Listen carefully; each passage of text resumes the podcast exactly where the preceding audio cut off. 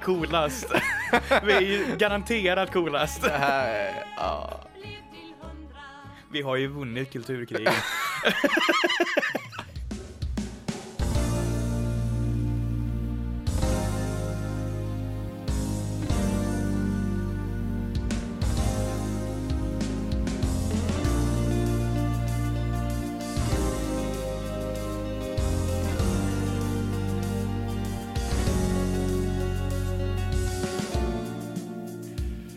välkomna allesammans! hej, hej, hej.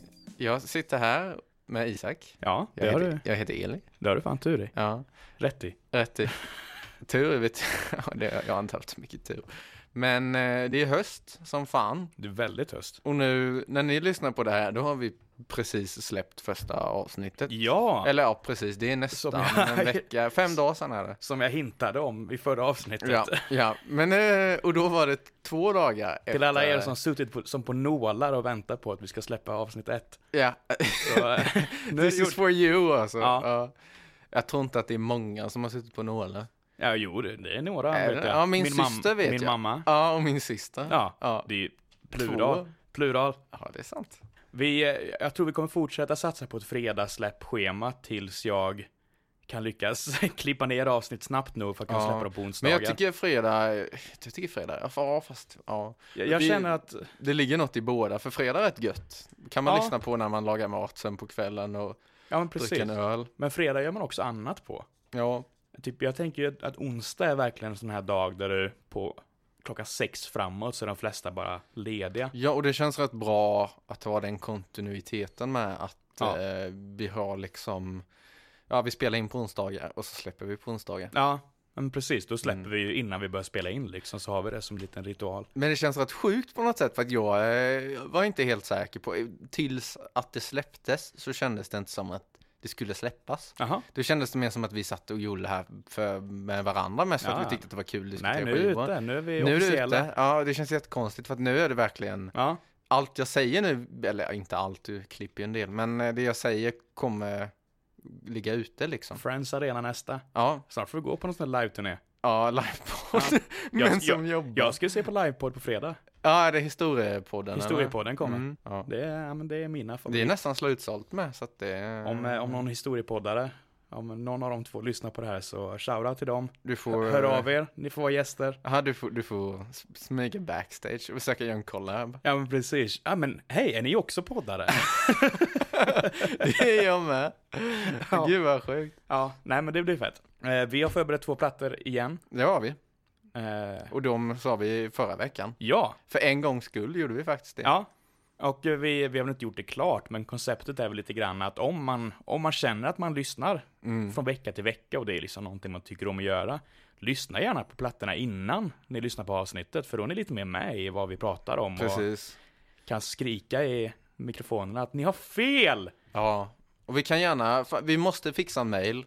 Jag Mm. tänker att det ska vara man som jobbar at gmail.com. Det är exakt det jag tänker. Ja, det borde vara lätt att lösa. Så jag tänker, har ni någonting, eh, ni kanske, nu som ska vi snacka om Nick Cave och vi ska snacka om Blue Oyster Cult. Mm. Och då tänker jag om ni är världens största Nick Cave-fan och vi säger någonting åt helvete, mejla oss och klaga så kanske vi tar upp det. Ja, För att vi eh, skyr bara lite från kritik. ja. Och om vi ska fortsätta lite på framtidsplaner för podden, Mm. eh, med den här gmailen då, då som är man som jobbar gmail.com så känner ni att ni vill vara med i podden. Om ni har någon kul platta som ni vill prata om och som ni tror hade varit intressant att prata om i en podcast, skriv till oss. Absolut. Skriv vilken platta det är och så kan vi bestämma om det är något vi vibar med eller inte. Det har varit jättekul.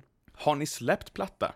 Skriv också jättegärna, för det är också någonting vi vill göra. Ja, snacka med musiker om deras platta. Ja, Jag tycker det är roligt. Det, det var lite annan dynamik när Albin var här och gästade i Lamb Lies Down avsnittet. ja, För det blir, jag tycker det är skönt med lite, även om det är kul att snacka både liksom mellan oss två så är det kul att få en till infallsvinkel. ja men precis. För att det kan bli, vi, vi kan tycka eh, samma saker från avsnitt till avsnitt. Ja men Eh, precis, till slut så blir det någonting man redan har pratat om. Ja, ungefär. Och jag, jag tror att man lätt vi kör fast i samma hjulspår. Typ att det snart kommer det komma en till Fleetwood Mac-platta. Och det är ju jättekul, för jag Ja, älskar absolut. Fleetwood Mac. Men det kan vara bra med lite eh, omväxling. Ja. hur många gånger kan vi hinta till Pentatonix-avsnittet? Ja, det, jag, jag är så jävla taggad. jag är säga. också skittaggad. Ja. Vi, har, vi har planer, vi har väldigt eh, trevliga planer faktiskt. Ja. Och du har någonting du vill prata om som inte är Ja, men vi- de här jag två tänker att vi platserna? Ja, jag tänker att vi sätter det som en eh, stående punkt nästan. Att, Ja. eh, hur, har, hur har Gud uppe i himlen förargat män som jobbar den här veckan? Eh, och eh, den här veckan så vill jag prata om ett ämne som kanske blir lite kontroversiellt. Jag vill prata om gatekeeping Okej, och gatekeeping av musik. ja. Det är Eh. fan, eh, har du på dig en metal-tisha och inte lyssnar på bandet, det är en sån klassisk Ja men precis. Eh, ja. Nämn tre låtar. Fan, har du en Ramones-tisha? Ja. Lyssnar du ens på Ramones? Ja. Nej, gör någon det? Eh, Men eh, när jag säger gatekeeping av musik till dig på rak arm, vad, vad har du för tankar liksom? Är det positivt, negativt? Ja, men jag skulle ändå säga rätt negativt. Jag, jag Ja. tror att alla i viss ålder är väldigt gatekeepiga. Ja, ja herregud. Eh, typ, alltså när man är runt 15, 16, 17 och verkligen hittar musik man brinner för. Ja.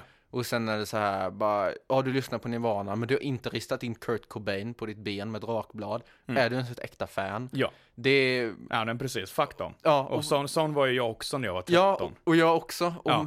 och det är så dumt för att vad är ett äkta fan? Varför ska det vara ett äkta fan? De bryr sig inte ett dugg. Nej. Det är ju någon sån, eh, vad, heter det, något parasocialt förhållande Absolut är det det. till artisten att liksom, om jag avgudar dem tillräckligt mycket och försvarar deras ära på något sätt så kommer de tycka om mig. Ja. Men de vet ju inte ens om att du existerar, så att det Ja. är... Har man en tisha och lyssnat på en låt, fuck it, whatever. Och jag har en kontring på det här. Ja, För jag ska visa dig en video nu. Ja. Eh, vi pratade om Genesis för några veckor sedan. Och eh, du sa att den enda låten du kände igen på Spotify var Invisible Touch. mhm. Jag ska visa en video för dig nu med kontexten att du vet att jag högaktar Genesis. Jag tycker om den här eran av Genesis väldigt mycket också. Nu ska jag visa den här videon för dig. out to Stranger Things, without which I wouldn't even know the 80s existed. Damn, I fall so easily. I express myself so cheesily. I thought friends was all she'd be to me, but I cannot outthink me. Love the belt, she laughs at me, and I fucking melt, yeah. She seems to have an invisible touch, yeah. She reaches in and grabs, hold of den där. Vilken stor kostym han har. Ja men det är faktiskt en referens till riktiga Genesis-videon. Ja, okej. För ja. det, det är så Phil Collins ser ut. Delvis ser han ut så i alla kostymer, för han Ja. är typ 5 cm lång. På riktigt? Ja, han är, han är lite han Nils känns ändå som en rätt stor grabb, typ. Nej, nej, nej. nej. Vi kollar lite snabbt hur lång han är. Ja. 1,60. 68. Ja, det, ja, vad fan, han är längre än Kristersson. Jag tror att det är för att Mike Rutherford är så jävla lång. Ja. 1,68. Jag är ju ändå, ja, jag är ändå 7 centimeter längre. Ja. Nej, bara, ska- jag är nog 90 Ja. för alla som lyssnar. Men eh, angående gatekeeping och det här. Ja, ja. För det här är det jag känner med gatekeeping, att ibland så finns det i alla fall Kanske inte en legitim anledning att gatekeepa folk, men en anledning till att vara upprörd över att folk inte, vad ska jag säga, uppskattar musiken i samma infallsvinkel som du gör när man önskar att de gjorde. Mm, mm. För kontext, för att prata om vad det var för video jag visade, så visade jag precis en video på en grabb på YouTube som gör en cover av Invisible Touch av Genesis. Och han börjar med att skrika ut shout out to Stranger Things, för att den är med i Stranger Things. Och sen gör han en cover där verserna är någon sorts rapsång som är så här lite quirky, 10-tal, millennial musik liksom. Folk som, Lite hipster med en sån krullad mustasch. Ja men precis, folk som det coolaste de vet att bjuda in dig på en Disney-maraton. Den typen av musik. Ja. Eh, och Stranger Things har ju varit väldigt stor för att få mycket väldigt bra musik att bli populär igen. Kate Bush är ett uppenbart Ja, exempel ja. på det, men även Joy Division och andra liknande artister. Metallica, den Ja. Master of Puppets-grejen. Absolut. Och det är jättekul att folk hittar musik genom medium. Jag har gjort det också. Eh, Mycket av, mina favorit, mycket av min favoritmusik kommer därifrån. Mm. Det är som när vi snackade om Overkill, att vi båda fick det genom Scrubs. Ja. Men, och här är skillnaden.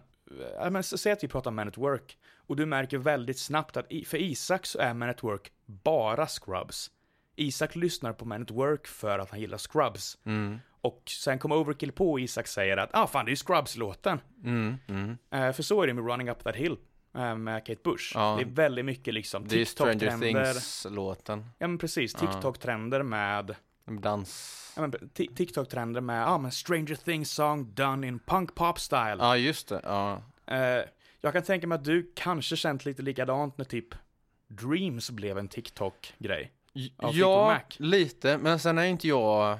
Jo, men ja. man fick nog någon mörk tanke där. Att Ja. det var bara, vad fan, ni, ni, ni lyssnar ju inte ens på Fleetwood Mac på riktigt. Nej, Fy fan, ni måste ju sätta er ner och lyssna på den play on på LP, annars, annars har ni inte lyssnat på ja. Fleetwood Mac. Och, och det, Kate Bush är helig för mig. Jag kan säga att Kate Bush kommer komma upp på den här Ja. podcasten, för det är topp fem bästa musikerna och artisterna någonsin för mig. Eh, och sen när man ser någon prata om Kate Bush på det här sättet och man sitter i ett hörn och känner liksom att ja, det är ju kul att hon får uppmärksamhet. Mm. Men du uppskattar ju inte Kate Bush i sin helhet. Du uppskattar inte låten för vad den är, utan du uppskattar den i kontextet av det här mediet du har sett den i. Ja. Eh, och jag tycker, alltså, när ens uppskattning av musiken eller mycket annat också inte liksom går förbi det där, då, då blir jag, det, det blir jobbigt för mig att respektera. Ja, och jag förstår det alltså. Och, och det finns någon ganska uråldrig tanke tror jag för, för många och för mig också att man vill vara först med grejer Mm. och när man har upptäckt någonting och sen har sagt det till många och ingen tycker det är intressant och sen ett tag senare så blir det helt plötsligt populärt och då tycker alla om det även om man själv har liksom Mm. Ja. advocatat för det skitlänge blir man ju jättesur för att jag var, jag, jag sa ju det, jag var där först det finns en, en rysk eller polsk låt, jag är inte exakt säker, som heter Tripaloski. ja, just det. Ja, den jävla låten var med på en spellista som vi hittade typ Alltså en månad efter den kom ut. Mm. Och sen tog det tre år för den att bli riktigt Ja. populär. Och, och folk bara, "Ah, kolla denna låten liksom. Jag bara, ja, jag lyssnade på den för tre år. Men det är ju ingen som bryr sig. Jag är inte cool för det, men Nej, man är nej. ändå, man är ändå sur liksom. För Ja, jag man är ju, lite sur. Fan, jag har ju visat den här låten för dig förut och du tyckte inte det var intressant alls. Annat exempel på det är ju i Wednesday-serien av Tim Burton på Netflix så Mm. är Goo Goo Muck of the Cramps med som en stor låt och hon dansar till den. Blir också en jättetrend. Och jag älskat The Cramps jättelänge. Eh, Men nu, det är nästan som man inte vill spela de låtarna i allmänna sammanhang längre. Ja. För då tror alla att nu, men, ah, men nu spelar han låten på Wednesday. Ja, Det är för han, han ja, är, Isak älskar Wednesday, nu är han, det är, det är Wednesday-Isak där borta. Men det- Jag bara, det Nej, typ- jag tycker bara om The Cramps. Netflix har fan förstört din musiksmak. Ja, Det hör till också Peaky Blinders och Nick Cave and the Bad Seeds. ja. Det är ju the, worst offender alltså. Ja, det är lite därför som det här kom upp för att Peaky, alltså, Peaky Blinders är väldigt mycket i det Ja. träsket där också. Och det, ja, det finns inget roligare än att få upp så här grabbsidor typ på Facebook. Ja, Där det är en bild på Thomas Shelby och sen är det något sånt här jättegrabbigt citat där det är typ Jag kastar aldrig första stenen men kastar någon sten på mig, då slår jag ihjäl honom. Sen är det han som går i rök och, sen så här red right hand. Och Ja. det var, åh nej, fy fan. ja det är, Ja, det är hemskt, men det är så jävla underhållande. ja, eh, och som tur var så här, Nick Cave har ju inte fått ett uppsving på samma sätt som Kate Bush fick. Nej, Utan Nick Cave har gjort en temalåt. Ja. Han har liksom inte gjort en låt som har blivit gigantisk på grund av det. nej och Nej. den har ju blivit använd i andra serier också. Ja, ja. Och det är ju det är en bra låt. Det är Absolut. en av hans större på den plattan innan också. Ja. Det är, på tal om Nick Cave så kände jag att det var relevant. Jag har faktiskt något relevant till det här om Blue Oyster Cult. Jaha, För jag eh, bara googla lite på Blue Oyster Cult, för jag älskar 70-talet. Jag vill se vilka coola 70-talskläder de hade på sig. Mm. Och sen så kommer det upp en bild på Taylor Swift i en Blue Oyster Cult-tröja. på, i en Reddit-tråd Mm. på Blue Oyster Cults Reddit-forum. Och sen liksom skrev de eh, och höll på och bara, är hon en poser? Lyssnar hon ens på Blue Oyster Cult? Och så. Men förvånande nog så var de flesta där, tyckte de att det var trevligt. Ja, Och att det är så här, ja men det är väl jättekul att hon reppar eh, Blue Oyster Cult. Vi Mm. älskar ju Blue Oyster Cult och hennes favoritband är, jag kommer inte ihåg vilket det var, men det, var, det är något rockband. Eh, och det är typ så, ja men det är inte omöjligt att hon lyssnar på Blue, Blue Oyster Cult. Nej. Det är liksom, nej nej. så det var ändå en positiv respons. Eh, Ja. Det var kul att se att det, Jag tror att det har gått så långt så folk åt andra hållet. ja men typ. Jag kommer ihåg när jag var tonåring så var det likadant med Kanye West. Han hade en Cradle of Filth-tröja som Mm. ett engelskt goth black metal-band. Alla fans där som är typ mest jag och 15-åriga tjejer. Det var liksom jättemånga där som var skitarga på att ah, vad fan, han kan inte den musiken. Men det är klart som fan han kan kunna den musiken. Absolut. Och det är farligt ju längre linan löper ut, eller man ska säga. Ja. Liksom, jag har ju massa tatueringar med musiktema.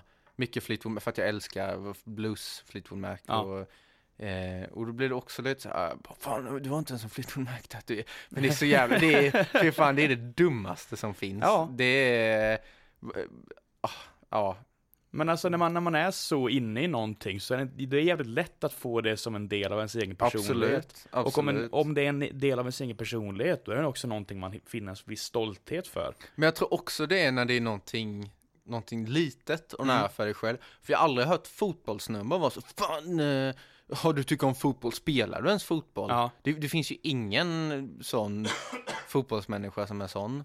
nej. Utan det är, jag tror när det, när det blir väldigt nischat typ. Det är som snooker skulle bli väldigt populärt helt Ja. plötsligt och alla började kolla på snooker. Då hade jag varit, men jag fan jag kollar på snooker i flera år och det är ingen Mm. som har brytt sig liksom. Snookerfansen hade Ja, blivit rasande. Ja men precis. För fan vet jag ens vem Neil Robertson är? Ja, jag skulle landa på den här konversationen för att kunna gå vidare Ja, i att, jag vet inte om man kan rättfärdiga gatekeeping som en aktiv aktivitet, men jag tror Nej. ändå du kan, du kan rättfärdiga att känna att Ja, det inte är, absolut. att, inte, att känna sig illa över att folk inte uppskattar saker på samma sätt som du gör. det håller jag med om. Men man borde ändå sträva efter det. Att, ah, kul att andra tycker om det här också. Ja, men när, det är när ju, det sker på rätt Ja men sätt. precis, det, ja, det är ju buddhan i en som borde göra det och sen Precis, men det känslorna i en kanske inte känner likadant. Nej, verkligheten är annorlunda. Ja. Eh, vilken platta vill du börja med? Jag vet inte faktiskt. Jag har också dividerat om det. Förra veckan så började vi väl med din va? Med, eh? John Hartford. Nej, vi började med din. Vi börjar med min. Mm. Okej. Men jag, jag tror det för att vi började med min veckan innan. Ja, Whatever. Ska vi börja med din? Det gör väl inget? Kan ja men visst. Ja. Vi kör igång. Eh, jag har då valt en platta av Nick Cave and the Bad Seeds. Mm. eh, som heter Murder Ballads. Innan vi ens går in på den, att om någon tycker att det är lite obehagligt med ja, men starkt språk, våldsamma eh, teman, mord såklart, sexuellt våld och ja, men, lite sådana saker så det kommer finnas timestamps i avsnittet om ni vill bara vill skippa rakt till Blue Oyster Cult-plattan. Mm. För det är fullt förståeligt, för det är en rå platta, är det. Eh, och mycket av det Nick Cave gör är rått, men framförallt den här plattan. Jaha, jag trodde med att Blue Oyster Cult-plattan var rå. Nej, nej, den är inte jätterå Nej. faktiskt. Det är den Men det kommer vi in på när vi pratar om den. Ja. Men eh, ja, lite kort så Nick Cave är ju eh, ett jävla musikaliskt unikum för mig. Och jag har älskat Nick Cave ganska länge. Axel älskade Nick Cave. Okej. Eh, älskar fortfarande Nick Cave tror jag. Eh, Min eh, före detta rumskamrat pratar vi om, vår gemensamma kompis. Så att vi pratar mycket om Murder Ballads framförallt, för det var Mm. den han hade på vinyl. Och det är väl, det är den plattan som han gjort som har sålt mest också. Men det är alternativrock, artrock, eh, lite postpunk. Den här Ja. plattan är också väldigt folk då, då. Den är lite utstående, tidigare plattor. Men han är, Är han australienare? Ja, han är Ja. australienare, är han. Eh, och han är, jag vill inte kalla honom för provokatör, för jag tror inte han är det. Men han tycker om Ja. språkbruk och teman som är inte helt okej. Ja, och han är väldigt, han, han har en stark politisk åsikt med. Ja, ibland. Jag läste något om att han eh, hade en konsert i Israel. Men han blev avrådd av, eh, vad heter han, från Pink Floyd? Waters. Ja, men han körde på ändå. Ja, men han verkar som en speciell människa. Men han är speciell. Han alltså, är lite, vad heter han, lynch?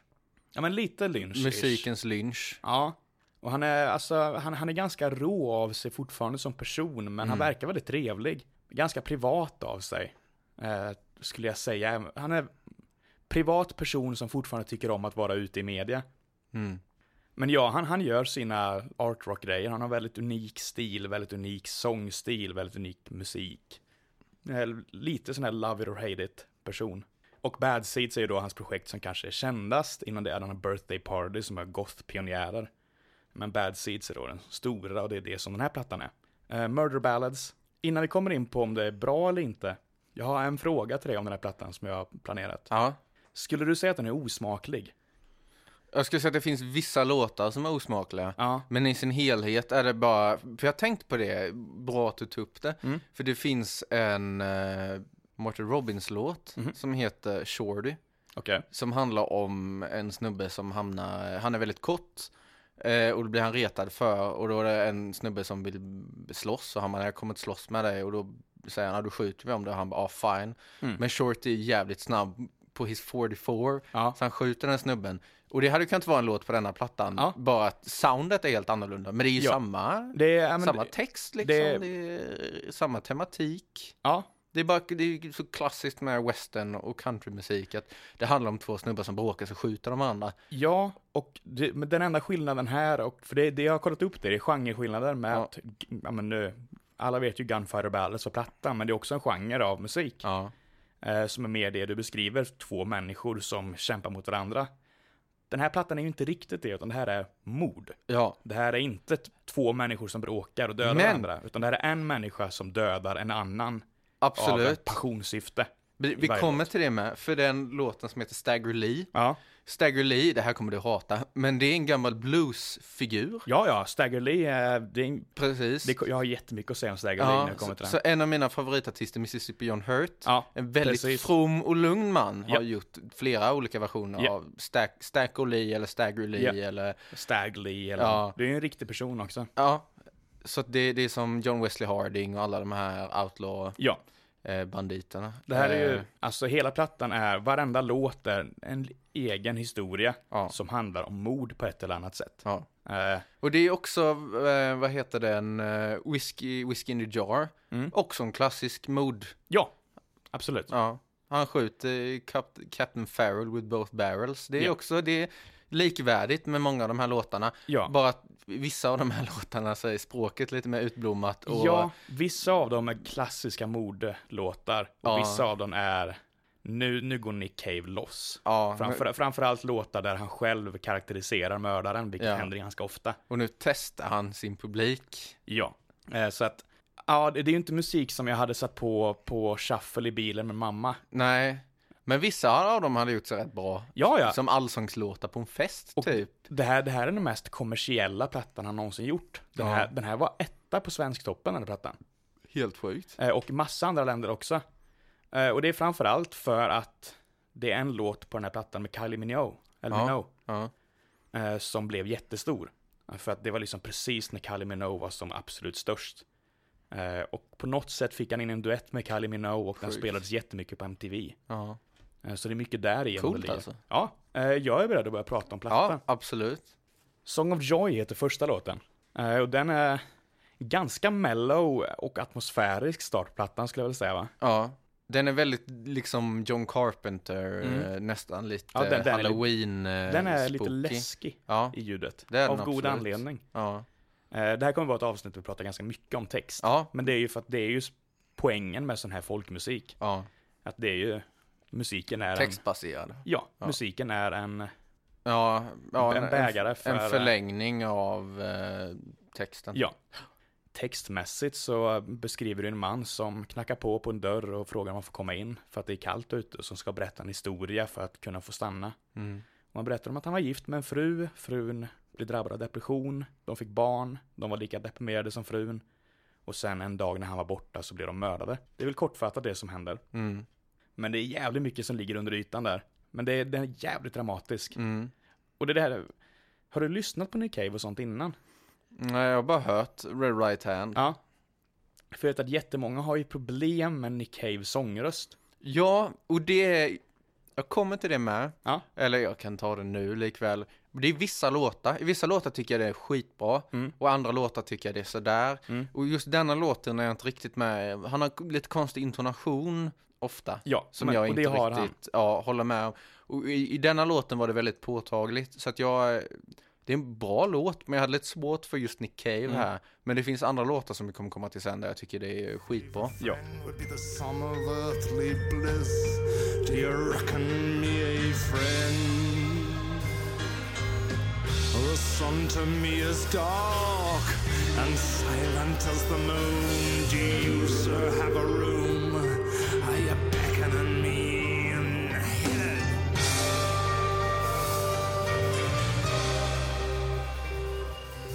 Han har lite tendensen av att låta som att han håller på att skita ner sig. Mm. Att han spänner verkligen varenda ben i kroppen när han sjunger. Fast han sjunger inte, han skriker inte. Utan han sjunger ganska lågt, Ja, men det är verkligen Ja. spänt när han sjunger. Och det, jag tycker det blir en jävla frän vibe av det, framförallt i sådana här låtar där han spoiler spoiler karaktäriserar en mördare. Mm. För att i texten så märker man att delvis så vet den här mannen lite för mycket om det här mordet som han inte var där för. Mm. Sen säger han att men jag kunde inte stanna kvar där, så nu går jag från hus till hus. Och det är också lite konstigt, varför skulle man göra det om man inte hade gjort det? Men ja, han beskriver ju mordet på, sina, på sin fru och barn Mm. i ganska brutal detalj. Ja, men kniv framför allt.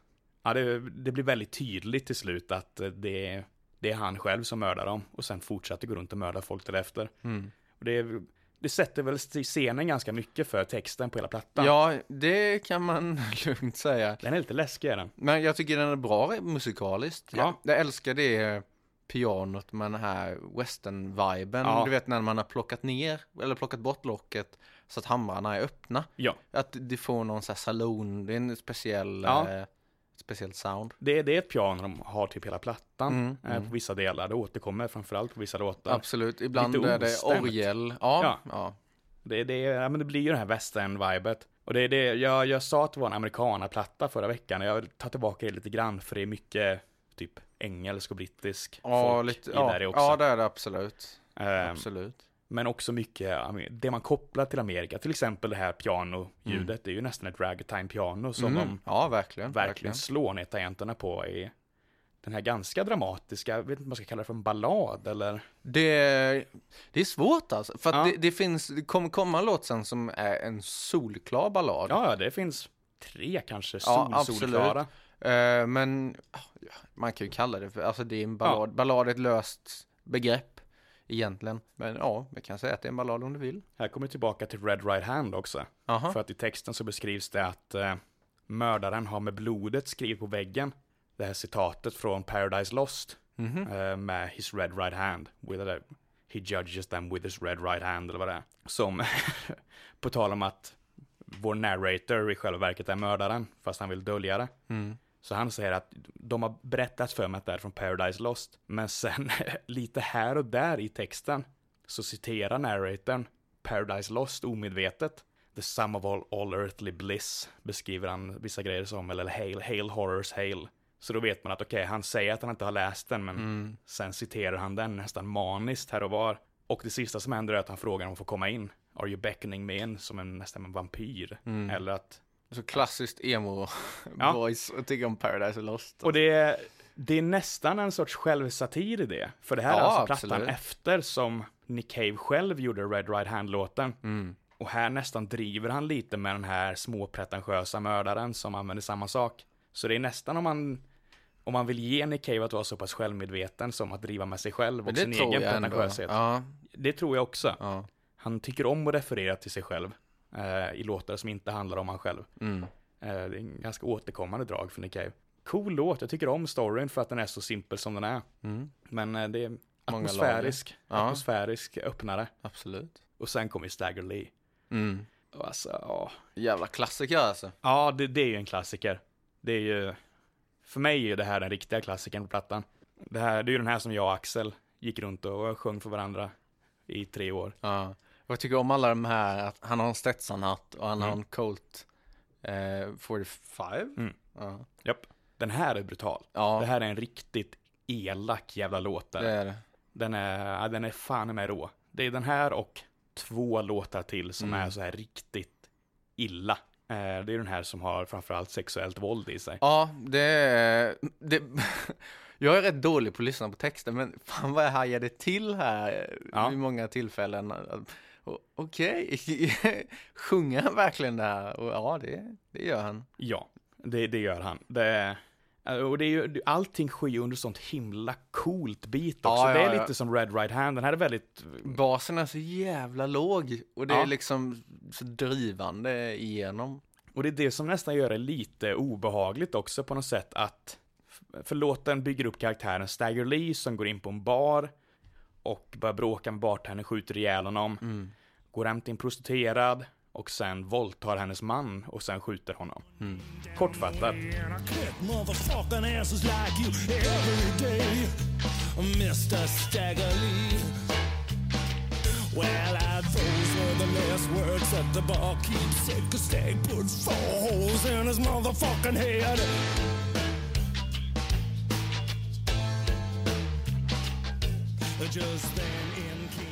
Eh, och den här Stagger Lee är då alltså protagonisten som, eh, men som eh, Nick Cave själv karaktäriserar ofta i sina Mm. lines. Och låten får honom att, låta så cool, att åh fan det här är en riktigt cool snubbe. Det är, det, det är lite det här Red Right Hand eller de här Instagram, titta hur cool Tom Shelby är. Ja. Men sen kollar man på vilket, vad är det som faktiskt händer, hur cool är den här snubben? Och det är ett sånt himla monster som du följer. Det är, det, det, är en rätt sjuk låt alltså. Ja, mycket svordomar, mycket riktigt Ja. elaka lines. Det, Är det? här är varför du svär så mycket i podden. Ja. Det är för att du är influerad av sån här sorts musik. Ja, det är bara Nick Caves fel specifikt. Ja. Från och med nu ska vi bara lyssna på fin kristen presbyterianmusik. Ja, I'm, kan ta linen. Om vi ska ha en line från låten och vill veta ungefär hur språkbruket är, så har vi ju när han får veta att han måste lämna den här prostituerades kvinnans hus innan hennes man kommer in. Och han säger att nej, det tänker jag inte göra för att när han kommer tänker jag våldta honom istället. Och då kommer den ökända linen bakom en cool baseline. I'm a bad motherfucker don't you know? And I'll crawl over 50 good pussies just to, just to get to one fat boy's asshole. Det är den, det är den graden av text i den här Ja, låten. det, ja, Det är egentligen bara den här låten som har så Ja. rå text. Ja, Det finns mer våldsamma låtar, men den här är... Men det är ju för att det är Stagger Lee som säger det, och Stagger Lee är... är en Den här typen av man. alltså. Ja, Det finns, när han kör den här live, så kommer, finns det en till vers. Som han lägger till. För ett vanligt i sådana här mordballader är ju att det till slut når någon sorts moralisk ändpunkt där Mm. personen får vad den förtjänar. Och ofta är det kristet budskap. Så att den nya som kommer in är In comes the devil med, med, with a pitchfork and clefted eh, feet eller vad något sånt där. Och han kommer och säger till Stagger Lee att han ska hämta honom. Bara, "Ja, men okej, nu, nu går det åt det hållet man tänker sig. Men sen slutar det återigen med Those were the last words that the devil said because Stag put, four holes in his motherfucking head. ja.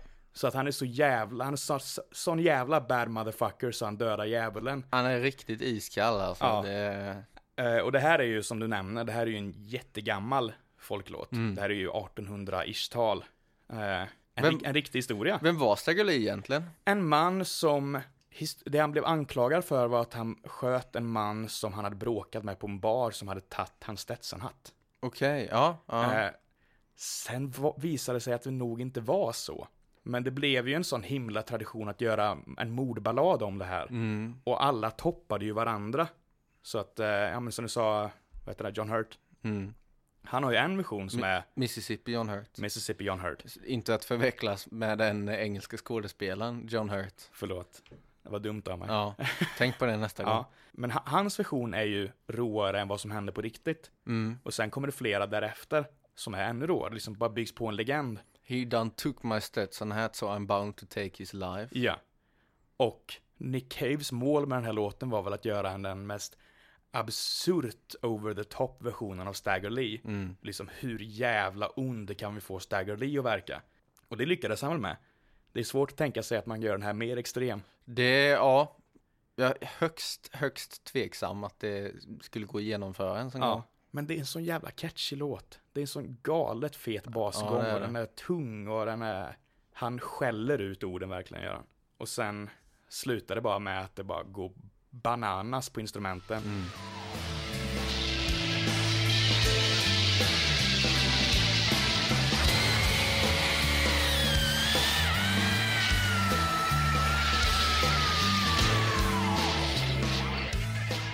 Riktigt crescendo. Ja, och sen bara vrålskrik eh, ut i atmosfären.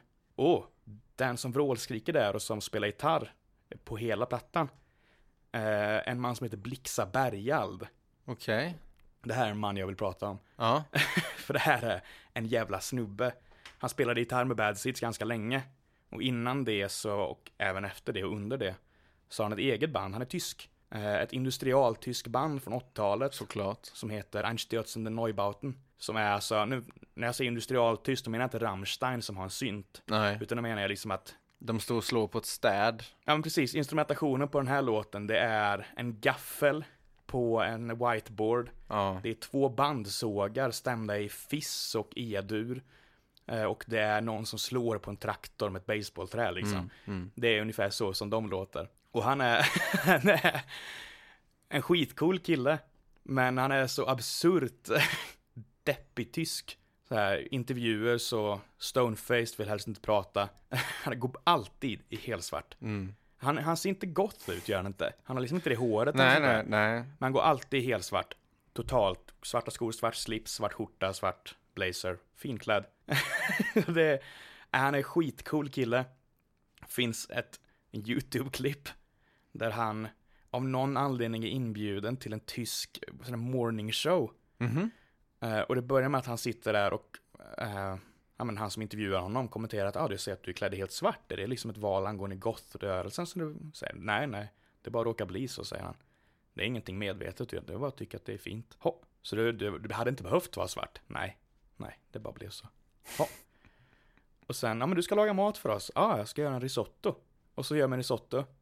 Fast eh, självklart ska han ju då ha bläckfiskbläck i. Ah. Så det blir en kolsvart risotto.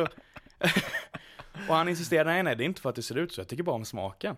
Eh, Det bara råkade vara så att det är svart. Eh, Medan de liksom filmar ner på en risotto som är så jävla svart så kameran kan inte ens plocka upp det. Det bara ett, det ser ut som om de rör ner ett svart hål liksom. Det är Blixa Bergal. Han är så jävla cool. Är det enda coola det hade varit om han hade tänt en cigg. Ja, det, det tror jag inte jag gör där inne men han gör det säkert överallt annars. Ja, men det är coolt när man gör det inne. Ja. Och sen säger någon att nej, du får inte röka inne. Bara, Vad fan, varför? Vadå? Nej, jag att Blixa känns som personen som inte hade rökt och det var en icke-rökskylt. För att han vill inte ta bråket om det. Han är för from. Ja, Ja. han passiv, inte, han är ingen bråkstake liksom. Han vill inte ha en konfrontation. Nej, han är Nej. ingen, liksom ingen sån där superrebell. Han är bara väldigt, Han är bara cool. han är bara total stone cool tysk. Vilken jävla dude alltså. Ja, och det är så all gitarr på plattan är Blixa. Så jävla fett. Eh, var det det om Stagger Lee eller? Ja, jag tror det. Ja, Jag tror det. bra låt. Det är nog min favoritplattan. Eh, Henry Lee. Mm. Med första duetten på plattan. Med PJ Harvey. Det här är en high point för mig. Ja, Mm. nice. Jag tycker om att det är en duett med. Ja. Ja men han gör sig bra i duetter. Ja, det är ju fler duetter, eller en duett till. Eller ja, det beror på hur man ska klassificera det. Ja. Det är en duett till och sen är det en med medley. ja en all-star cast-låt. i slutet. Precis. Eh, och jag tycker de är bland de bästa på Mm. plattan. Ja. Och eh, ja men. Det här är ju, Henry Lee är ju en av de mer traditionella låtarna också. Även fast han har alltid gjort om den Ja. en hel del. Och det är en vals va? Ja. Coolt. Så jävla fett med vals. Ja. Den är, det, är, en- det, är, en- det här är en ballad. Ja, det här Ja, är en solklar En ballad. pianoballad. Eh, och de, de sjunger bra tillsammans gör de. Han har jobbat mycket med PJ Harvey vet jag. Mm. Hon är, hon är väldigt cool hon också. Och det är feta gitarrstick alltså. Ja, Och nice virveltrumma med, det är lite så marsch. Mm. Nästan. den här är avslappnande, mysig, även fast texten är ju... Ja, det är ju... De spelar ju olika karaktärer. Mm. Så är det även i duetten som kommer sen. Där PJ Harvey då, hon spelar en person som försöker få den här Henry Lee att gifta sig med henne. Han säger nej för han har en brud någon annanstans och hon svarar genom att mörda honom. Det är inte mycket mer än så som händer. Det är en Nej. ganska klassisk mordballad. De har inte Ja. ändrat någonting i texten. För den är gammal då. Ja, den här Ja. är gammal. Det här är folk, folk eh, tradition gött, då. alltså. Ja. Älskar de klassiska amerikanska folkkaraktärerna. Typ Lee Ja. och John Henry Brown är också en sån klassiker. Ja, det Han som, han som slog, Ja. eh, John Brown. han som slog maskinen. Ja, Han kunde hugga sten snabbare för hand än vad ångmaskinen kunde göra. ja, Och ja han- jag tänkte på, Och han var den största mannen någon någonsin hade sett. heter inte han jag tänker på också John Brown? Tänker du på John Moses Browning? Nej, Nej. John Brown's body was buried on the ground. Det är nog samma. Nej, men det är... Han var en revolutionär i USA som slogs för svartas, rätt, svartas rättigheter. Jag tror han hette John Brown. Fan, googla det här. Ja. Nu måste vi fact-checka. John Brown? Ja, det är han ja. Ja, Med skägget. ja precis. Han, han är så jävla cool. Men den, den melodin, det är ju John Browns body. Ja, Det handlar ju om han. men det är en gammal eh, melodi va? Är det inte samma som When the Saints go marching home? Du, du, du. Nej. Du, du, du, du, du, du, du. Glory, glory, hallelujah, det är John Browns body. Okej. Ja. Det här, jag vet, melodin kanske funnits innan, men det är Ja, den versionen ja, jag... Nej, nej, det var det jag menade, att det är samma melodi. And the band keeps marching on, eller the, band, the fight keeps going on, och sånt där. För att han är död, men fighten fortsätter. Cool kille. Det är riktigt, fan det är, den är bra men den är inte lika bra som, eh, jag är jätteledsen att säga det men Sydstaterna hade fan världens bop till Jaha. Anthem alltså. Har du hört Dixieland? Ja, Dixieland, eh, Den är, Den så, går hem. den är fan, det är tragiskt att det var rasisterna som fick den alltså. Men, men den är så jävla bra ja, men alltså. det är ju så ibland. Ja. Det är ju som den här IS-låten som är så jävla catchy. Det är... Salim Asari. Ja. ja, jag vet vilken du menar. Ja, men precis, också. det är jobbigt. Är fan, kan, de, kan the bad guys sluta ha catchy musik? Alltså, Ja, det, men Men, det är så man lejer folk till sin rörelse. ja, ja, Genom det är absolut musik. så. Ja. Det var det värsta nazisterna gjorde, var att de tog bort cool kultur.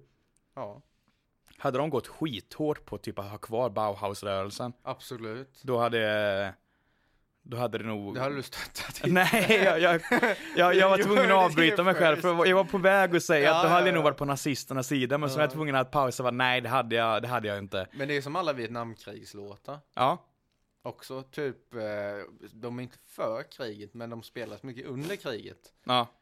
Typ eh, Fortunate Son, Men är det bättre än, ja, uh, ditt favoritband. ja, Creedence Clearwater Revival? Jajamän. Är det bättre än uh, Knutna nävar? Balladen om Ho Chi Minh? Mm, den är bra. Ja, det, det, den värvade mig. Ja, ja, jag kan förstå det alltså. Det, Ja. är, det är därför eh, vänsterrörelsen var så stark på 70-talet. För Ja, det var så jävla mycket bra prog. Mycket cool musik. Ja. Det, det fanns inte på samma sätt på andra sidan. Nej, jag menar det så är det idag också. Men precis, fan ska jag lyssna på Wagner? Ja. Usch. Men har, SD, har du hört SDs vallåt? Nej, Sol igen. nej. Den är, den är inte en bop alltså. Den är, sätt på, vi kan lyssna på den lite Ja. bara för oss. Också det, det är fan, det är den sämsta musikvideon jag har sett i hela mitt liv. Självklart har SD en epadunk-låt. Ja, ja. Skojar du? Har, Och du det, har du hört Bli liberal? Nej. Kan du gissa vilken genre som Liberalerna är? Åh, jazz. Nej, Nej. det är ännu, ännu mer uppenbart. Åh shit, är det en slager? Japp. Vad Ja, det här är om något sämre än eh, SDs låt. Fan, nu måste du ta Socialdemokraterna som jag bara får sluta cirkeln. Jag kommer inte ihåg vad den heter, du, du får bara söka på uh, vallåt. Fyra nya år. Ja, det är det, det är det. Oss i Jävligt sosse. Det är så jävla socialdemokratiskt. det. Det här är sån här musik som 50-åriga socialdemokrater kollar på när typ någon 20-åring gör på Så Mycket Bättre Ja, och säger att ja men det här var ju väl bra. Jag gillar, jag gillar henne. Ja. Hon är bra från sig. Väldigt fin röst har hon. men det- här är ju den bästa av dem vi har lyssnat på i alla fall. Ja, ja. Eh, det kan man ju lätt säga. Fuck, jag måste jag vet veta vad Vänsterpartiet har. Finns ingen. Va? Ja, jag är jätteledsen att säga det. Då, då får det vara den här. Mm.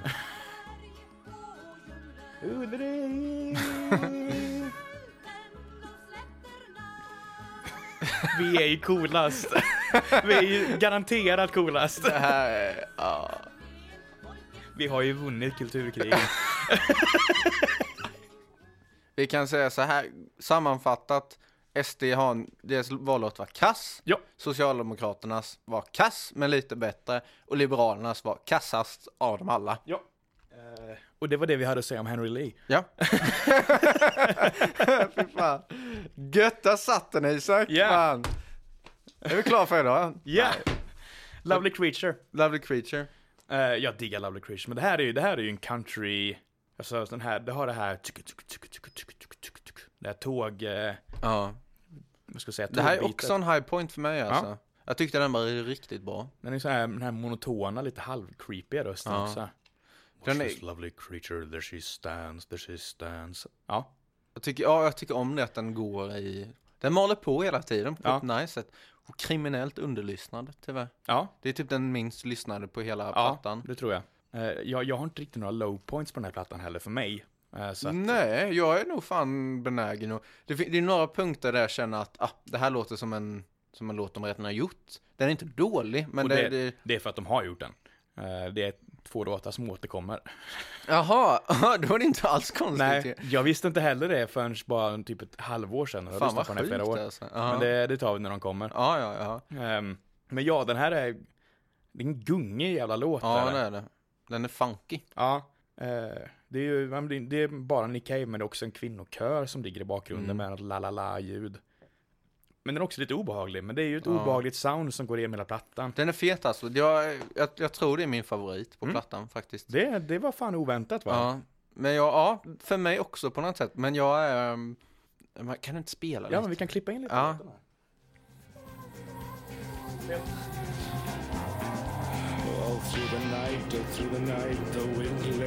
Man älskar, jag älskar när det är mycket, Ja. mycket, alltså jag vet inte hur man ska beskriva det, men det är när det är mycket noise.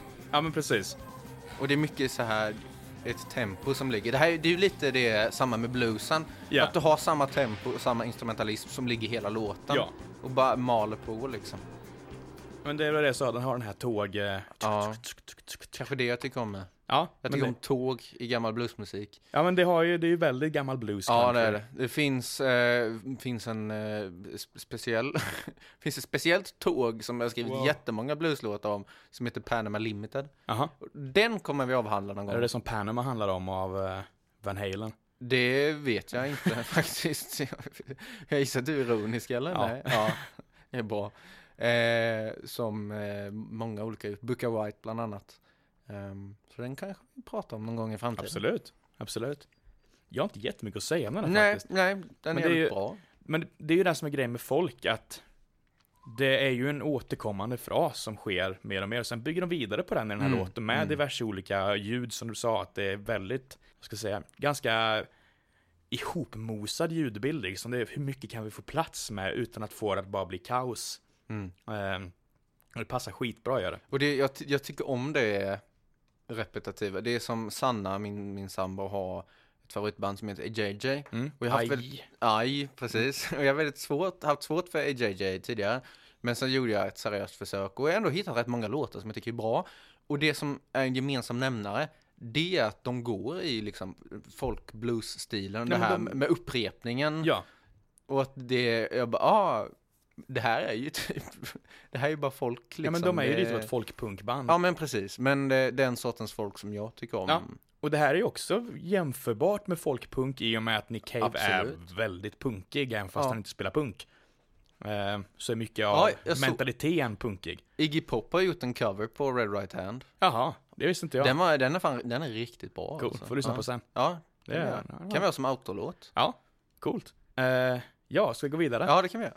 För nu, nu kommer den stora, stora hitten på plattan. När den kom i alla fall, så var ju det här den stora. Det är fortfarande en av de största låtar. Eh, det är eh, Where the Wild Roses Grow Mm. med Kylie Minogue. Och då har jag en jävligt populär åsikt. Ja. Och att det, det här är en jävla bop alltså. Ja, den är superbra. Den. Den är riktigt bra. Särskilt, jag älskar fiolstickan med. Det är sån helt galen kombo av människor. Mm. Kylie Minogue och Nick Cave. För alltså, Kylie Minogue är ju så pop-poppig du kan bli nästan. Absolut. ja.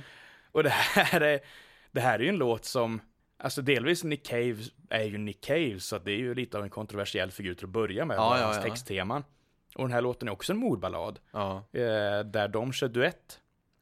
Och hon spelar då Eliza Day, där också en känd, jag vet inte, jag tror inte att det här är en folklåt, men myten om The Red Rose Mm. är jättekänd. Det finns väldigt kända målningar och sånt också på en kvinna som flyter i vatten. Uh, storyn är ju att uh, Nick Cave spelar en man som uh, men, friar till en kvinna uh, och hon går med på det och verkar vara så här väldigt, ska säga kvinnoideal, lite tillbakadragen, blyg av sig. Men han visar henne kärlek. Men sen till slut så slår han henne i bakhuvudet med en sten vid en flod och slår ihjäl henne och sen sätter en röd ros i hennes mun. Mm. Det, det är storyn. Det är kontentan av det hela. Ja, och de båda går ju fram och tillbaka med varandra där Kylie Minogue spelar den här kvinnan. Mm. Så pratar om det nästan som ett spöke. För att, eh, Ja. för att hon berättar att det här har hänt henne. Ja. Hon berättar att hon har dött. Eh, they called me the, wi- the wild rose. Eh, But my name was... Eliza Day. Ja. Why they call me that I do not know. cause my name was Eliza Day. Ja, det är en väldigt atmosfärisk låt. Ja, och det här är också, en- det här är ballad. Ja, det här är en ballad. Klassisk solklar ballad. Eh, jag har en grej att säga om den här också som är mer om hela plattan. Mm. Det är att, som sagt, Nick Cave karaktäriserar ju många av mördarna själv. Det framkommer så tydligt hur teatralisk han är som människa. För inga av hans mördare låter likadant. Liksom, mördaren här låter ju inte som Stagger Lee låter. Nej, nej. Hon låter absolut inte som mördaren på nästa låt låter, när vi kommer in på den. Han spelar så många karaktärer och han får karaktärerna att lysa fram vä- väldigt tydligt i låtarna. Eh, han är väldigt bra på det. Eh, att verkligen göra om sin, sin röst för att passa karaktären han spelar. Det är nästan konstigt att han inte har varit i mer teatersammanhang. han Ja, varit. han hade gjort någon film så jag. ja det är manus till. någonting som han har gjort. Så- Som var, skulle vara riktigt bra. Jag tänkte Mm. fan kolla på den. Ja, Ehm, för det var, det handlar typ, det är ju eh, australiensiska börsen. Mm. Har, är ju lite, har varit lite vilda västern eh, och det handlar om det typ. Mm. Vilda västern fast i Australien. Så den ska jag kolla på för jag gör en recension nästa Mm. gång vi ses. han, eh, han har varit lite på break ett tag. Okej. Han har gjort lite små grejer. Men han har haft två söner som har dött. Ja, inom kort avstånd. jag läste det. Ja. Så det har, varit, eh, det har varit lite tufft för honom att komma tillbaka Sjukt därifrån. alltså. Ja, fy fan. Ja, nej men eh, uppskattning av hans sångstil i alla fall därifrån. Att han karaktäriserar sina karaktärer Mm. väldigt effektivt i alla fall. Vill jag påstå. Mm. Och det kom fram här också. Kylie Minogue också svinbör. Ja, gud ja. Gud ja. Men hon har ju sån här väldigt liten och fragil röst. Ja, men det gör sig bra också i, i rollen, Ja. i den karaktären liksom. Precis, för då kontrasteras, kontrasteras det med Nick Caves ganska rejäla stämma Ja. som han ändå har. Lite Precis. maskulin, hotfull stämma. Även när han försöker låta snäll Ja. så kan han inte riktigt. Nej, det ligger nog inte i hans natur. Nej, det är Nick Cave är en sån person som varje gång jag lyssnat på honom prata verkar han jättetrevlig. Men jag är också rädd för honom. Mm. Hade jag varit i ett rum med Nick Cave hade jag varit lite nervös. Han ser lite hotfull ut. Han ser jättehotfull ut. Han ser väldigt unik ut. Eh, ja, gå vidare. Ja. Eh, här kommer en jävla låt. nu är det Curse of Millhaven. Ja, Den ballar ur. den är, ja, men den är, den är bra med. Ja, det här, det här är en jättehighlight för mig. Men det här är också, nu är de två highlights jag sagt är kanske de elakaste låtarna på hela plattan. Måste bara kolla det här. Jag har fått något konstigt sms. Oj du.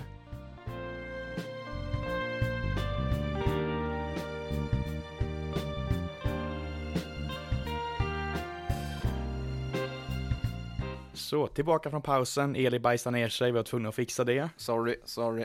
Vad var vi? Eh, eh, Curse of eh, Millhaven. vi- Curse of Millhaven. Ja, Och det är track nummer... Eh, Check. Sex. Gött. Det är dragspel med denna. ja. Ja. Eh, Det här är eh, samma melodi som eh, Henry Lee. Ja. För denna var en av dem som kändes repetitiv. Så att jag... eh, Men det Den är ganska lång också. Ja. Men det är en jävligt bra låt. Den är, den är helt sjuk. Den börjar ju bara med skrik och att de bara slår på sina instrument. Ja. Och alla ska, det? alla ska dö. Ja, Mm. men ska vi, kan, kan vi ta Ja, övergången? kör det. för- Kör det. Så här, för ert kontext. Jag kommer spela övergången från en fin ballad som är Where the Wild Roses Grow till den här. Så för att se hur jävla konstigt det är på plattan. For my name was Eliza Day. Åh, så tyst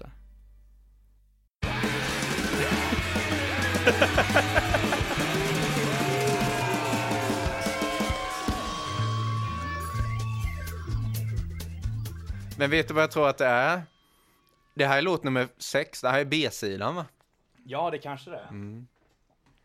Men det här är också sån här drivande Ja, den tågbit. Jag tycker om det. Det är, det är de låtarna som funkar bäst på mig. Ja. Eh, den är riktigt bra. Alltså. Den är jättebra, är den. Ja. Men det här är ju, på tal om eh, Nick Caves teatraliska. Kortfattat så beskriver, det börjar med, oj just det förresten, Mm. angående den här låten. Shoutout till Radio Lurs sekreterare, Mhm. Lottie. Den här låten handlar om Lottie. Jaså? My name is Loretta but I prefer Lottie. Ah. Hon heter Lottie. Shoutout. Mm. Shoutout, du är karaktäriserad av kanske den obehagligaste mördaren på hela plattan. Ja. Det sig själv som en liten flicka i en stad som har en förbannelse där folk bara dör. Eh, och eh, det, det ska väl vara ganska tydligt tidigt att det är hon som är mördaren för att eh, men varför skulle den här personen beskriva sig själv så tydligt? Mm.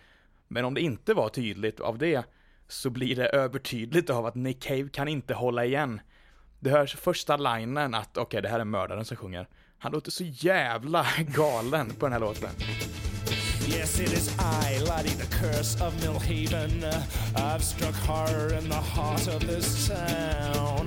Like my eyes ain't green and my hair ain't yellow. It's more like the other way around. I got a pretty little mouth underneath all the foaming. La la la la la.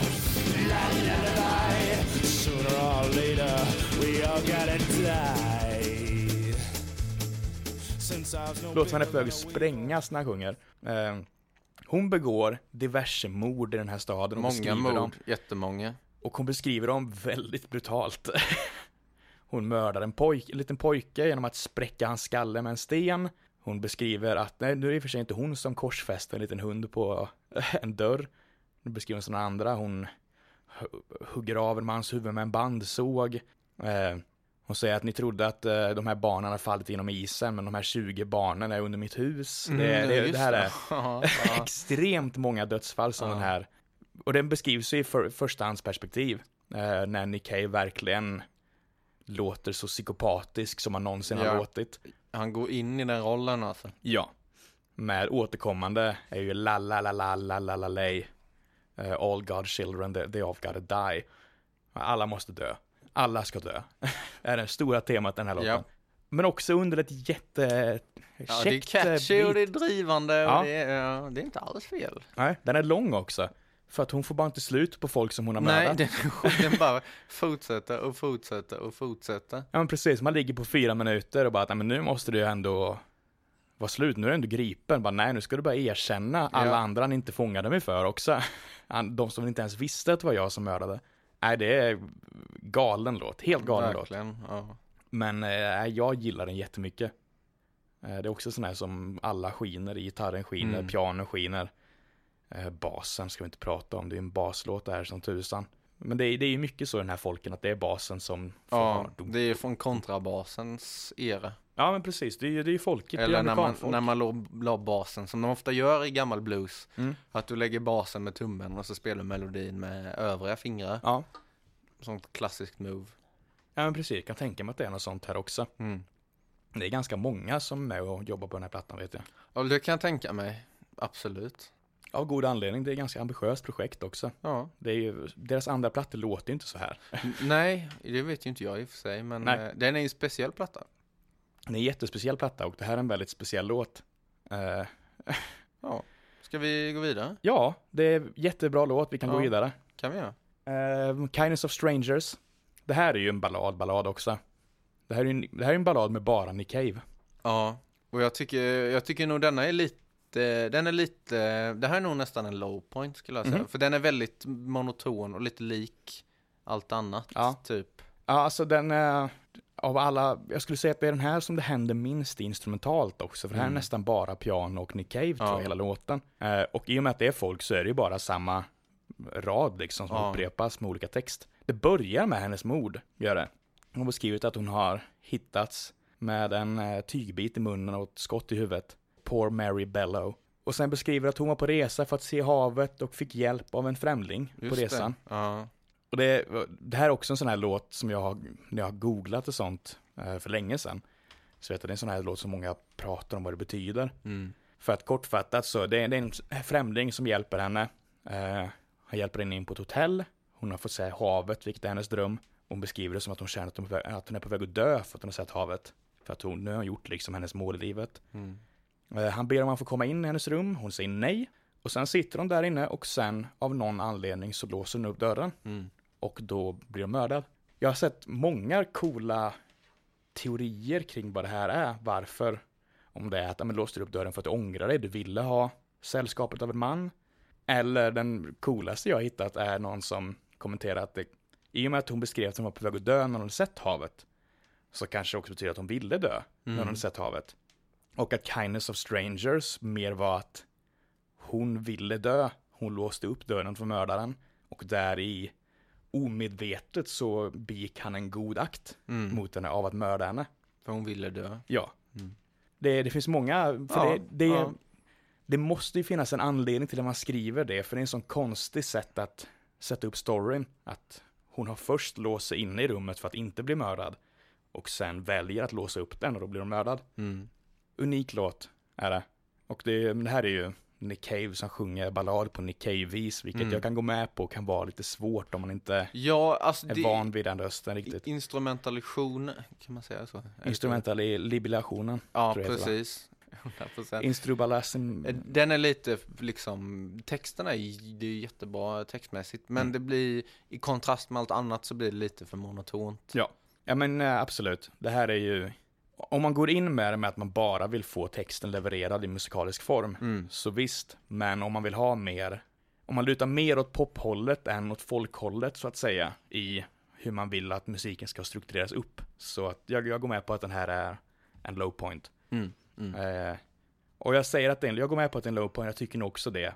Under kontexten av att jag beskrev det här som platta utan low points för mig. Ja, och jag håller med Ja. till stor del. Det är fortfarande en jävligt bra låt. Ja. Och jag hade nog kunnat lyssna på denna eh, ändå. ja, ja, jag hade kunnat spela den själv. Ja. Superkul. Eh, men om vi går vidare till Crowd Jane. Mm.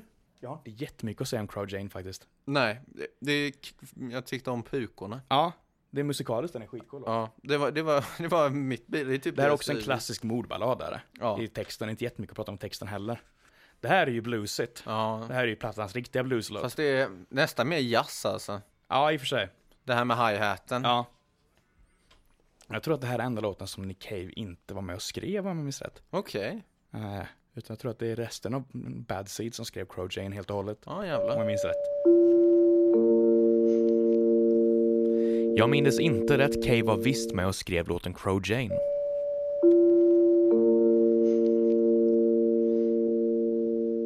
Det är en skön, groovy, som du sa, jazzig Ja. låt.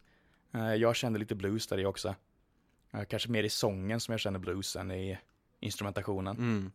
Men det, Ja, det är inte jättemycket att Nej. säga. Nej. den här plattan har lite allting. Ja, det är det. För, för att vara en så jävla fokuserad platta. För det är en jättefokuserad platta med att men det, det här soundet vi är ute efter, det är folktraditioner och det är mordballader. Mm. Så utifrån de ramarna så vet jag inte om man har kunnat göra mer variation än vad som finns. Nej, jag håller helt med. Alltså, jag är ofta, eller många gånger när du har plockat fram en platta som jag tänker att det här kommer jag ha jättesvårt för, Mm. så tycker jag om det. Med undantag för förra veckans platta. eh, för det här var också, ja, Nick Cave, Bad Seeds, Murder Balance, och det kanske är okej liksom. Mm. Men jag är ändå pleasantly surprised. Ja. Man vet att det är en bra platta, eller jag vet det, när jag lägger till låtar på min spellista. Ja, Och det har jag gjort med Gött. flera stycken. Så det är bra, eh, bra Ja. betyg från mig. ja. Ska vi Ja. gå vidare? Ja, absolut. Det här är, nu kommer vi in på O'Malley's Bar. Det, jag vet att det här är första låten som skrevs. Plattan. Okej. Eh, och den skrevs för plattan innan om jag minns rätt. Eh, fast de hamnade i en situation där de märkte att det här är en skitcool låt, vi älskar den här låten. Den passar ju inte in på plattan. Hur ska vi göra då? Äh, vi måste väl göra en platta med bara mordballader så att vi har en platta att sätta O'Malley's Bar på. Ja, jävlar. ja. Och då är det ju inte en av de bästa på denna plattan, så det var väl bra att de hade den tanken ändå. Ja. Den är, det här är ju den längsta tveklös plattan, den är kvart lång är den. Eh, det här är samma melodi som eh, första låten, Ja, är det. det kan jag tänka mig. För att den eh, kändes också familjär på Ja. något sätt. Men det är fortfarande, det är coolt för det är samma melodi, men de låter ju helt annorlunda. Mm. Det, det sa vi inte förut heller med eh, Henry Lee och uh, Curse of Millhaven. Samma melodi, men de hade ju inte kunnat vara mer olika låtar. Nej. Henry Lee är en ballad, och Curse of Millhaven är ju, det är ju Drivig kaotisk, och- drivig ja. låt. Och det här är lite likadan. Det här är också mer drivig Ja, än den är vad... mer, mer groovy Ja. och mer, mer pianot är väldigt på. Ja, men det här är ju, det är också en riktig text, textlåt. Mm. Om man, det här är ju den tredje riktigt brutala låten på plattan. Eh, den är kanske våldsammast på plattan. Den är inte lika, ska säga, kontroversiell som Stagger Lee. Och den kommer inte av sig som lika äcklig som Curse of Millhaven. Nej. Men han, han har ju ihjäl typ 25 personer den här låten. Eh, det här är en massskjutning Okej. den här låten. Eh, Det är han på en bar som eh, man sitter och dricker öl med lokalbefolkningen och sen börjar gå loss och skjuta dem, en efter en. Och beskriver det i, väldigt stor detalj hur han gör det. Closed his eyes and shrugged and laughed. With an ashtray big as a fucking really big brick, I split his skull in half. His blood spilled across the bar like a steaming scarlet brook. And then a note there at its edge on the counter, wipe my tears away and look. Och det, är, det här är också en sån här låt som Nick Cave-fans tycker om att eh, bråka om vad den handlar om. För att han upprepar om och om igen att han inte har fri vilja. Att det är inte han som har bestämt att det här ska ske. Okej. Och han är helt moralisk liksom, ska jag säga, kall. Verkar inte ha någon reaktion på någonting som händer förutom, händer förutom kanske lite stolthet i det. Eller att han, han beskriver att han, hans kuk har blivit hård en gång. Såklart, såklart. Men det är alltså det är väldigt våldsamma beskrivningar av hur han går runt och skjuter huvudet av folk, diverse, både vuxna och kvinnor och barn och gamla. Han bara- det är det som låten är, han går runt och slaktar folk. Mm. Och där i så lär vi oss mer om honom. Karaktären är också beskriven, när han beskriver sig själv, så beskriver han som en lång, mörk herre, eh, smal, och han ser väldigt bra ut i vissa vinklar. Eh, det kan man också koppla till att Nick Cave beskriver sig själv. Det är ju så Nick Cave ser ut. Såklart. Och det är där, vi ska gå in på det med fria viljan. Där kan ju vara Nick Cave som på ett metasätt beskriver att han har, den här karaktären har ju ingen fri vilja. Nej. För det är Nick Cave som har skrivit att han gör det. Ja. Karaktären har inte gjort någonting. Nej. Eh, så Ja. kan man döma karaktärens moralitet för någonting han inte har valt att göra. Mm, Intressant diskussion. Eh, men det är, det är en elak låt där, en Ja. jätteelak låt. Eh, och Nick Cave får ofta de kommentarerna att han är osmaklig. Mm. Och han är, det känns elakt, eller att han är elak. Eh, den, här, den här plattan har ju ofta fått kritik för att, eh, vad ska jag säga, pusha kvinnohat. Ja. För att det är ju många kvinnor som blir mördade.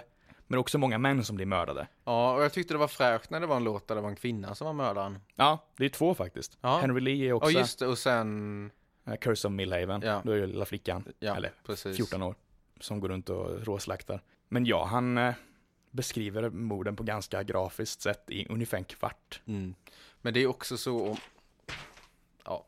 Mm. Det är också så om man ser det till klassisk folkmusik att det är ju alltid männen som är mördarna Ja, i stort sett. Ja. Det är, så det är inte konstigt när Han- de har återanvänt mycket folkmusik att det blivit så. ja, och det är liksom, det är lite där debatten kring plattan bör väckas till liv med vad ska man egentligen göra av för slutsats med att det är så många låtar om till exempel, säg eh, Where the Wild Roses Grow. Mm. Här har vi en låt som handlar om att mörda en kvinna.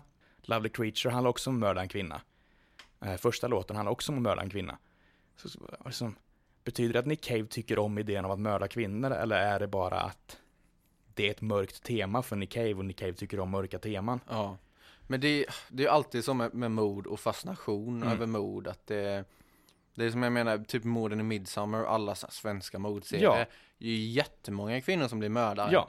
Hela tiden. Ja, och jag tror väl man ska döma det här mer som en mordserie eller en mordbok eller... Ja. Och det är ju inte, det är ju inte ovanligt att man blir fascinerad av sånt. Mm, ja, på vem man är. Nej men alltså, fan, eh, det här, att välja den här plattan är ju medvetet val för att vi ska bli stora. För att den vad är är den största genren inom podcastvärlden. Ah, true crime! vi är en true crime podcast Nu nu. officiellt. Ja, Sant alltså. Sant. Ja, jag har aldrig riktigt förstått mig på true crime-vågen. nej, jag har mycket svårare för den när det är på riktigt. Ja. För då tycker jag det kan kännas osmakligt. Ja, jag är så jävla klen för blod och skit alltså. Ja. Jag är inte när det kommer till, det är när det är människor, djur och så är helt okej. Jag är ju jägare själv Ja. Men det är just, jag kan inte kolla på när de opererar folk, du vet. Okej. här. Inte, inte på en sjukhus där det är fake, men vet att det är på riktigt. Ja, Och det är ett hjärta som bultar en öppen bröstkorg. ja. Ah fy fan, det, det, nej, det är så jävla äckligt alltså. Nej, jag hade ofiltrerad tillgång till internet för tidigt i livet. Ja. Så att jag, jag har blivit för Det hade jag med, men jag, jag valde att inte delta. Nej, jag, det var inget aktivt val på mitt håll, det bara blev så. Till slut så, utan att veta om det, så sitter du där och kollar på en video från en kinesisk fabrik med en live leak-logga i hörnet. Och då, du kommer se något illa. Ja, fy fan. Vad äckligt. Ja, men jag, men jag tycker att true crime och sånt är nästan jobbigare för mig än sånt här. Ja, men det håller jag med om. Men också att det känns exploativt på något sätt. Ja. När man ser någon sån här true crime tv-serie. Och liksom, ja men nu är det, fa- det är faktiskt en riktig 15-årig flicka som blivit mördad. Och så är det liksom dramatiska stråkar liksom. But she never knew that this night would change her family's evening forever. Eller så, alltså, Ja. att, ja, det är, Och det är hur man stiliserar mord och så med. ja, Eh, om man tar typ, alltså klassiska westernfilmer. Du dör ju folk konstant. Ja. Snittar man död så är det ju någon typ var tionde minut. ja, ja eller så. Och det är ju, det är ju bara roligt och revolvrar och cowboys. Ja. Jag älskar det liksom. Och, och, och det är lite liknande i denna. Det är som att läsa, äh, svenska älskar ju mord av någon Ja. anledning. Ja. Alla Camilla Läckberg-böcker. Camilla och Läckberg, alla Wallander-böcker Nesbø, och absolut. Stig Larsson. Ja, och vad fan, eh, Beck. Beck ska vi inte prata om. Ja. Ja. Så att det, svenska älskar mord och jag visste att det är ju ofta väldigt grafiskt den här men Ja, ja. det är ju det är ju folk som dör i, båda medierna. Mina päron läser ju mycket, eller läste mycket sådana här pocketböcker. Ja. De drar ju igenom en sån på en dag på sommaren. Ja. De går igenom sju stycken mordböcker i veckan. Ja. Men musik är ju så frånskilt för det mesta, utan det är liksom kärlek eller olycka över kärlek eller bla bla Mm. bla. Så att när det kommer in i samma territorium så blir det nästan mer av en chock och blir lite mer obehagligt. Ja, för litteratur har alltid haft folk som har dött och Ja, blivit ja. mördade i sig. ja. ja. Men musik från början skulle vara så fin. ja. Eh, vi har en låt början, kvar har vi. ja. Ska vi Enda av den? låten som ingen dör på. Okej. För det här är en cover. Det här är Bob Dylan. Jaha. Death is not the end. Eh, plattan slutar då alltså med en cover på Bob Dylans Death is not the end som nästan är en kyrkolåt, eller Mm. singer-songwriter kyrkolåt. Det kanske är från eh, hans kristna period. Ja. Ja men det, det är ju där någonstans 80-ish. Ja, ja. Och det är då, jag ska kolla upp vilka listor för vilka är som är med på plattan. För det är några jag inte kommer ihåg på rak arm. Men jag vet ju att det är Nick Cave såklart. Mm. Kylie Minogue är tillbaka, PJ Harvey tillbaka. Shane McGowan från The Pogues är där. Eh, Det är han som är, låter som att han är på väg att trilla av sångbåsstolen när som helst när han sjunger. Sen är det hans trummis där sjunger, Blixa sjunger en vers. Men det är en fin liten allsånglåt Ja. liksom. Slutet på, säg att du kollar på en musikal. Mm. Eller en teater, nej, bet- ännu bättre, en teaterföreställning. När alla karaktärer samlas. Ja, och nu sjunger vi alla låtar, håller händer. Ja. Och så kommer alla in en och en och sjunger en vers. Ja. Och låten är då Death is not the end. Som är när du är sorgsen och ledsen och du inte har någon vän, kom ihåg då att döden inte är slutet. Det blir nästan lite ironiskt och lite elakt av det. För det är en Ja. fin låt och det är en fin version av den här låten. Men att ha haft en platta som bara är våld och mord och död och hemskheter. Och sen sluta med en sån här fin grej och sen säga kom ihåg döden, death Mm. is not the end. Det är nästan lite som att skämta om det. På något sätt Mm. tycker jag. Det känns jävligt sarkastiskt att göra en sån här platta Ja, så det- sluta med ja. Death is not the end. Men lite vackert på något sätt också. ja, Att alla det. de här människorna har dött, men det är inte slutet. Det oroar jag inte. Ja, eh, för att plattan går ju aldrig in egentligen på döden, utan det är bara folk som dör. Mm. Eh, framförallt så är det folk som mördar som är fokuset och inte folket som dör. Nej. Eh, så att liksom döden i sig behandlas ju aldrig i plattan. Utan det är liksom det, är bara, en, det är bara en gränsdragning. ja, det, Antingen lever du eller är död. döden är en under, ett underhållningsmoment i hela plattan. Mm. Som för underhållningen vidare. Så att, att, äh, att jag tycker det blir jävligt sarkastiskt i slutet på Ja, en sån här det är det. låt. Men det är en Det är det. jättevacker låt. Det är Jättevacker. en av de bästa skulle jag säga. Ja, det är det. Eh, Och de gör en jättebra, det är en jättefin tolkning på den. Ja. Eh, Verkligen jättefin. Men det är ju just i kontextet vart den Det finns. blir lite, ja. Men det här är ju en kumbaya-låt liksom. Alla, alla håller händer runt en lägereld och Ja, sjunger That is not the end. Verkligen. Eh, Ja men jag tycker det är ett fint slut, Ja. tycker jag. Fan vad gött alltså. Ja. Bra platta, bra val. Ja, tack. Spännande diskussion. Ja. Ska vi ta en kaffe på det? Är jättekissnödig så det tycker jag låter som en bra idé. Underbart.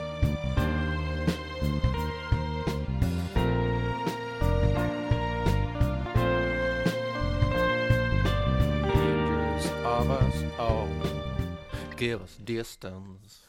Ja. Nu har vi suttit och snackat uh, Weeb-grejer ett tag. Mm. Nu är vi tillbaka in action för att prata om Blue Oyster Cult. Nu jävlar, nu är det bök Det alltså. där var oprofessionellt, du fick jag meddelanden. Pling pling så är alla borta. Ja, det var fan okej av mig. Ja, det blir fint. Men Blue Oyster Cult är jag, jag är taggad för att prata om den här. Gött alltså. Det, ja. Berätta, Vad- berätta om Blue Oyster Cult, vilka är de? Det är ett band som är från USA. Mm. De eh, började spela musik på eh, 60-talet, 67, Ja. i tidig konstellation. Och sen så ändrade de massa och sen kom, sen började de kalla sig för Stark Force Group och släppte ett demo Mm. i 300 exemplar som heter eh, Saint Cecilia The Electric Recordings. Som är den bästa Blue Oyster Cult-platta, säger inom citat. Mhm. Den ska vi lyssna på för att den är Visst? sjukt jävla bra. Eh, och, och sen så fortsatte de göra musik och de, eh, de hade några plattor och eh, jobbade sig igenom 70-talet. Eh, och fortsatte på 80-talet, och, men Mm. de tappade lite i popularitet. Och jag vet inte Ja. vad man ska säga, det är rock och det är lite psykedeliskt och det är, det är en klassisk 70-talsblandning skulle jag Ja, säga. men det, det är den här blandningen av det klassiskt rockiga och psykedeliska och Ja. sen lite hårdare också. De har ju väldiga metal, ja, det har tidig de. metal eh, sound Absolut. också. Och det var när de valde namnet Blue Oyster Cult så Mm. skulle de skriva ett kontrakt med, jag tror det var Universal. Eh, och de sa, ah, vi vet inte, ah, vi vet inte. Och sen bara, om ni skaffar något namn som liknar Black Sabbath, Ja. och Black Sabbath var jävligt populärt, Ja. då kanske, och då tog de Blue Oyster Cult för att det lät Black Sabbath-aktigt. Ja, det är bra namn. Och det här är ju Mirrors, som kom ut 78, tror Ja. jag. 70, ja, 79 tror jag till och med va? Är det inte till och med 79? Jo, det är 79, du har Ja. helt rätt. Det står här på, jag har vinylen här. Isak Lexa tillbaka. Ja, visst. Ehm, och de har gjort, innan detta har de gjort rätt många hits. De har gjort Spectres med Mm. Godzilla. Ja. eh, och de hade gjort Agents of Fortune med Don't Fear the Reaper. Ja. Eh, så de hade ändå liksom, de var etablerade och de hade många hits. Ja. Men denna plattan landade väldigt platt. Platt. Ja, det gjorde den. Eh, tyvärr. Jag, jag har en teori om varför. Ja. Eh, eh, det här är en av, det är inte den enda teorin, kan jag lägga till. Men en teori, om vi kollar på Blue Oyster Cults plattor, bara Mm. kollar på dem, bara ser vi, vi ser jävligt slående omslag. Mm. Det här är ju ett dötråkigt omslag. Ja, är det. det är det är det, bara en absolut. sidspegel. De har ändå så jävla coola omslag idag, från första plattan Ja, framåt. ja. Det är alla plattor de har förutom den här har coola omslag och kanske Club Ninja. Ja. Men, och sen är det ju, ju, längre, alltså efter Mirror så går det rätt hårt utför skulle jag säga rent musikaliskt. Mm, Det dig. Clystosaurus Rex är en jävla bangerplatta. Ja, Eh, Fires of Unknown Origin. Ja, ja, är den efter? Ja, den Ja. är 82 Ja, va? 84 nästan. sådär. Ja, okej, jag, jag tar tillbaka det jag sa. ja. Eh, men eh, ja, jag håller med dig. Och både Clystosaurus Rex och Fire of Unknown Origins har jävligt bra omslag. Ja, jag kan säga mina anteckningar för att den här, jag lyssnar på, jag har en grej jag gör att jag lyssnar på ungefär en platta om dagen med målet att jag ska lyssna på 365 plattor i slutet på året. Mm. Så det blir ungefär en medelpen per dag. Den här veckan har jag bara lyssnat på Blue Oyster Cult. Åh jävlar. Eh, För att jag är tvungen att påminna mig själv lite om de andra plattorna Ja. för att kunna prata om Lyssnar den här du plattan. från början? Ja, eh, och sen några av dem har jag lyssnat igenom i helhet, de flesta av dem har jag bara skimmat igenom låt för låt lite grann. För den här plattan har inte jag hört innan. Nej. Men jag lyssnar på alla jag hade hört innan, vilket är alla förutom den här fram till Fires of Unknown Origin. Vad sjukt. Eh, och jag vet inte varför jag skippar över den här. Kanske var för omslaget. Ja. Eh, men jag kan läsa upp att jag lyssnar på Blue Oyster Cult, Tyranny and, and, Mut- eh, Tyranny and Mu- Mutation, Secret Treaties, Agents of Fortune, Spectres, uh, Cultosaurus Erectus och Fire of Unknown Origin. Och den här då då? Ja, jag har skrivit att jag gillar den här plattan. Det är den klart svagaste av Mm. dem. Det beror på vad man letar efter för sound. Ja, För de två första plattorna och eh, Secret Treaties, de har väldigt mycket experimentell musik på sig. Och det Ja. kan slå, she's, she's beautiful as a foot, Mm. skulle jag inte kalla för en banger någon dag i veckan. nej men det är ändå ett sound. Det är, ändå, ett det är spännande, grej. det är spännande. Det här är ju mer populärmusik. Ja. Och jag ofta kommer tillbaka till låtar på den här plattan som jag lyssnar på och säger att det är en bra låt.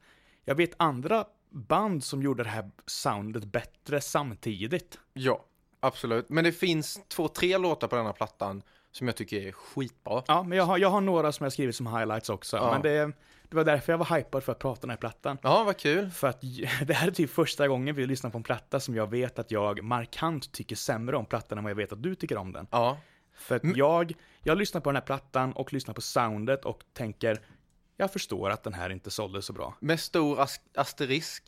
Ja, Ja, Asterix. Asterix. för, eh, för nu när jag lyssnade om denna så märkte jag Ja. att det var rätt mycket här som inte var, som inte håller måttet. Ja, Utan jag tror att det är de få låtarna som jag har lyssnat på om och om och om igen. Har Ja. jag fått en uppfattning om att det här är en jävligt bra platta. Eh, den är bra i segment. ja. Den är bra i segment. Ja. Vissa låtar är bra i segment också. Ja, Eh, och den blir aldrig dålig. nej, men den blir, säga. lite, den blir lite tråkig. Ja, och jag, jag dömer den här som en Blue Oyster Cult-platta och inte som en vanlig rockplatta. Nej, Ja, det är mycket där jag ligger i den. A-sidan är mycket bättre än B-sidan. 100 procent. Är den. Ja, ja, Den tappar ganska mycket alla B-sidan. veckan. Ja, det... När, man, när jag gick in och lyssnade på en Blue Oyster Cult-platta var jag lite hypad för att lyssna på Blue Oyster Cult. Fick du inte göra. Nej, jag fick inte riktigt göra det. För det här var verkligen, Det här är mer, det här är mer av en Eagles-platta nästan. ja, jag, jag har skrivit väldigt, ja men Eagles ibland. Ja. Väl, ibland är det jättemycket REO Speedwagon. Det är en låt här som är exakt bara en låt av The Cars. Eh, det är, men det är väldigt mycket mer Ja. i popstuket i alla fall kan Och jag, jag tror det är det analkande 80-talet Ja. som sätter käppar i hjulet. Fatta att det är jag som klagar på att en platta är för poppig. Ja, det är ändå sjukt alltså. För, för min teori om varför den aldrig slog, Ja. det är för att den är lite 80-tal, Mm. men inte 80-tal nog för att vara intressant. Så den här hamnar i ett limbo, där det är liksom lite psykedeliskt från 70-talet, men också eh, lite poppigt från 80-talet. Ja. Och, det, det blir lite för konstigt, det blir inte riktigt intressant. Nej, för typ när vi går till Fires of Unknown Origin, Ja. liksom den tiden, då har de ju blivit väldigt 80-tal metal, heavy metal, Absolut, liksom, tagit ja. över nästan new wave och british heavy metal i sitt sound. Eh, det har de ju inte här än. Nej. Eh, men de har inte heller det gamla roa, Ja. utan det är också en mellanperiod där de nästan försöker låta lite new wave.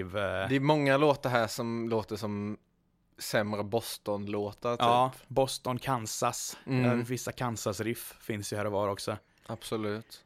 Eh, men ja. Eh, men det, jag, vill, jag vill prata om det låt för låt, för jag är ganska hypad Ja, för det vi faktiskt. kör Ska vi gå in på alltså. Dr. Music direkt?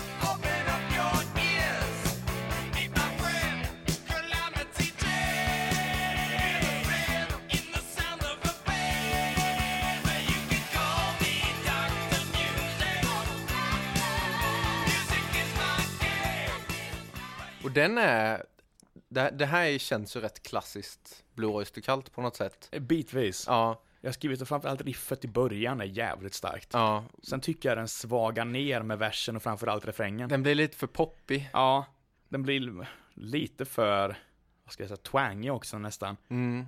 Det är en också, på, jag fattar inte att vi kan prata så mycket om Dr. Hook som vi gör, men det är också nästan lite Dr. Hook-refräng. Allt du gör, det går relaterat till Ja. Dr. Hook. Jag fattar inte varför jag, varför jag refererar till Dr. Hook, en referens som bara jag förstår. Den är, men riffet i början, det är ju, jag var skithypad på att den här Ja. plattan skulle vara asgrym på grund av hur bra riffet är i början.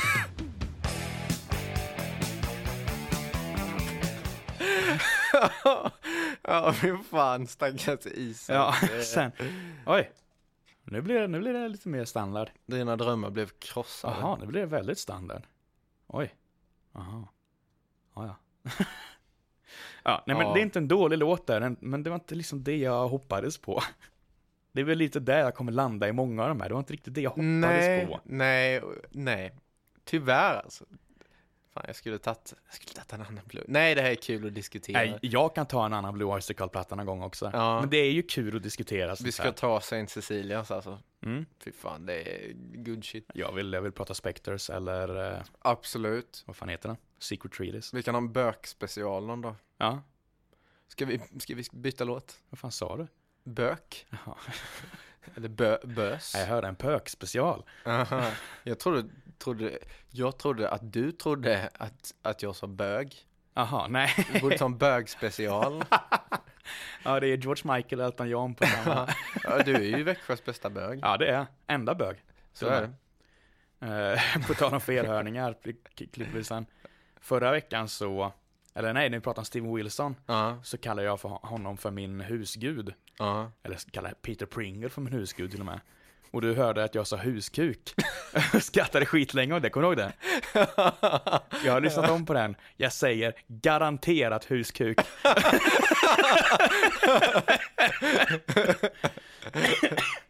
Ingen tvekan om saken. nej, det är bra, då hade jag inte fel. Ja, fan jag drog en sån på mötet igår också när jag sa, jag skulle säga hitta och sa väldigt tydligt. Ja, och så fitta. Och sen tystnad. Och så måste vi hitta en, Fan, snacka om Freudian slip. ja, Nej, ah. Steven Wilson, han är verkligen min huskuk. två bokstäver fel. Ja, ja, ja. ja, ska vi ta The, the Sun Jester, The Great, The Great Sun. The Den här har jag skrivit som en av de jag gillar mest. Ja, samma här alltså, samma här.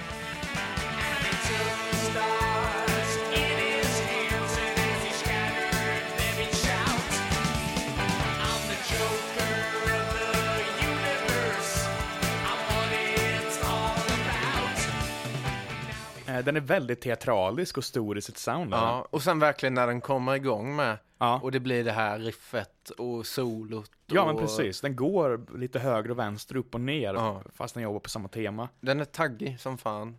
Jag skrev att när jag var tonåring så lyssnade jag mycket på Dream Theater. Mhm. Och jag vet att Dream Theater har ju tagit mycket av sitt sound ifrån Blue Oyster Cult. Och det hörs jättetydligt på den här låten framför allt. Görs det. Eh, framförallt i sången låter nästan precis som något som Dream Theater hade kunnat Ja, göra. jävlar. De Så har det- lyssnat på Mirrors. Ja, det har de säkert gjort. Eh, eller i alla fall den här låten. De låter inte som någon annan låt på den här plattan. Nej, det det här, den här är en standalone låt Ja, den här, är- det här är lite mer av det soundet jag hoppades på. Ja, från Blue Oyster Cult. Eh, liksom, för det här, jag visste ju att det här var mellanperioden mellan den senare metal-grejen och blev ännu mer okulta i sitt sound och Mm. den tidigare det hardrock, experimentella, ja, hårdrock-dagarna liksom. Eh, Absolut. så jag hoppades mer på det här. mm. Eh, tyvärr alltså. ja, tyvärr. Eh, jag skrev att det här låter som all musik som jag älskade när jag var 16. Ja, samma här Mm. alltså. Precis samma här. Riktigt stor, riktigt teatralisk, Ja. dramatisk. Mycket gitarr. Mycket gitarr, feta solon. Ja.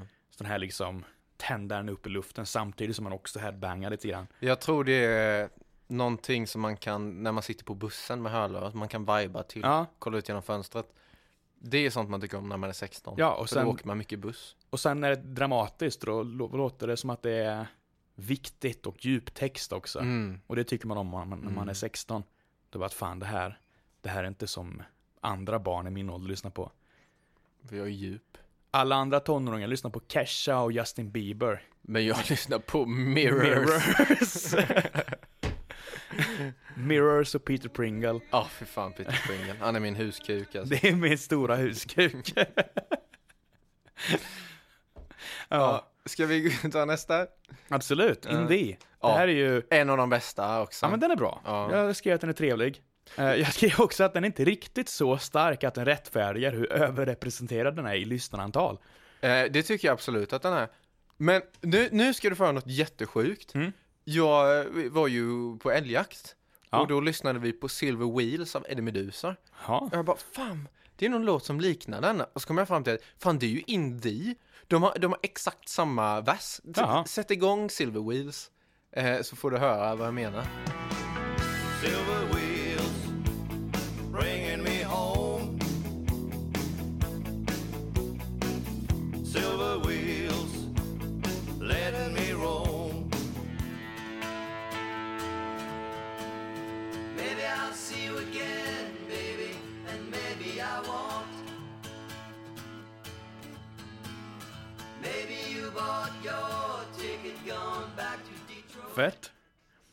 Det var inte den kopplingen jag förväntade mig då, att vi skulle prata Eddie Meduza och Mirrors. Tror du Eddie Meduza lyssnade på Mirrors? Ja, 100 procent. Jag älskade No Blows to Cult. Nej men den, det här är ju en jävla trallvänlig hit. Ja, det, det här, är det här det. är ju, känns ju som det att det var menat att vara plattans radiohit. Ja. Och den här sätter sig också eh, rätt hårt på huvudet alltså. Ja men precis, jag har skrivit att det här, det här är en bra låt är det. Mm. Men det finns så mycket andra band som gjorde samma sound som jag känner hade gjort den här låten bättre. Typ, REO Speedwagon hade gjort den här låten fast fetare och större. Okej, ja. Men Eh. behöver den vara fetare och större? Ja, Jag, jag tycker att den är bra när den är lite nedtonad och mysig. kanske. Den är lite enslig och det är det, den feeling jag vill ha tror jag Mm. från den här låten. Ja, jag... Men det är också, jag är så jävla inne på vad vill jag ha ut av en Blue Oyster Cult-platta? Ja, Och jag, jag, det, är- det är orättvist då, men jag vet det, Ja. men jag kan inte släppa det. man, man får se den här plattan som ett vakuum, Ja. Men jag gör fan inte det. Nej, jag märker det. Det går inte för dig. Utan jag gör det här, eh, ja, men jag, jag vill ha Spectres. Ja, får bli nästa gång. Ja. Det här stämmer då alltså inte. Spectres blev inte nästa Blue Oyster Cult-platta vi pratar om i den här podden, då Elis satte käppar i hjulet för den planen.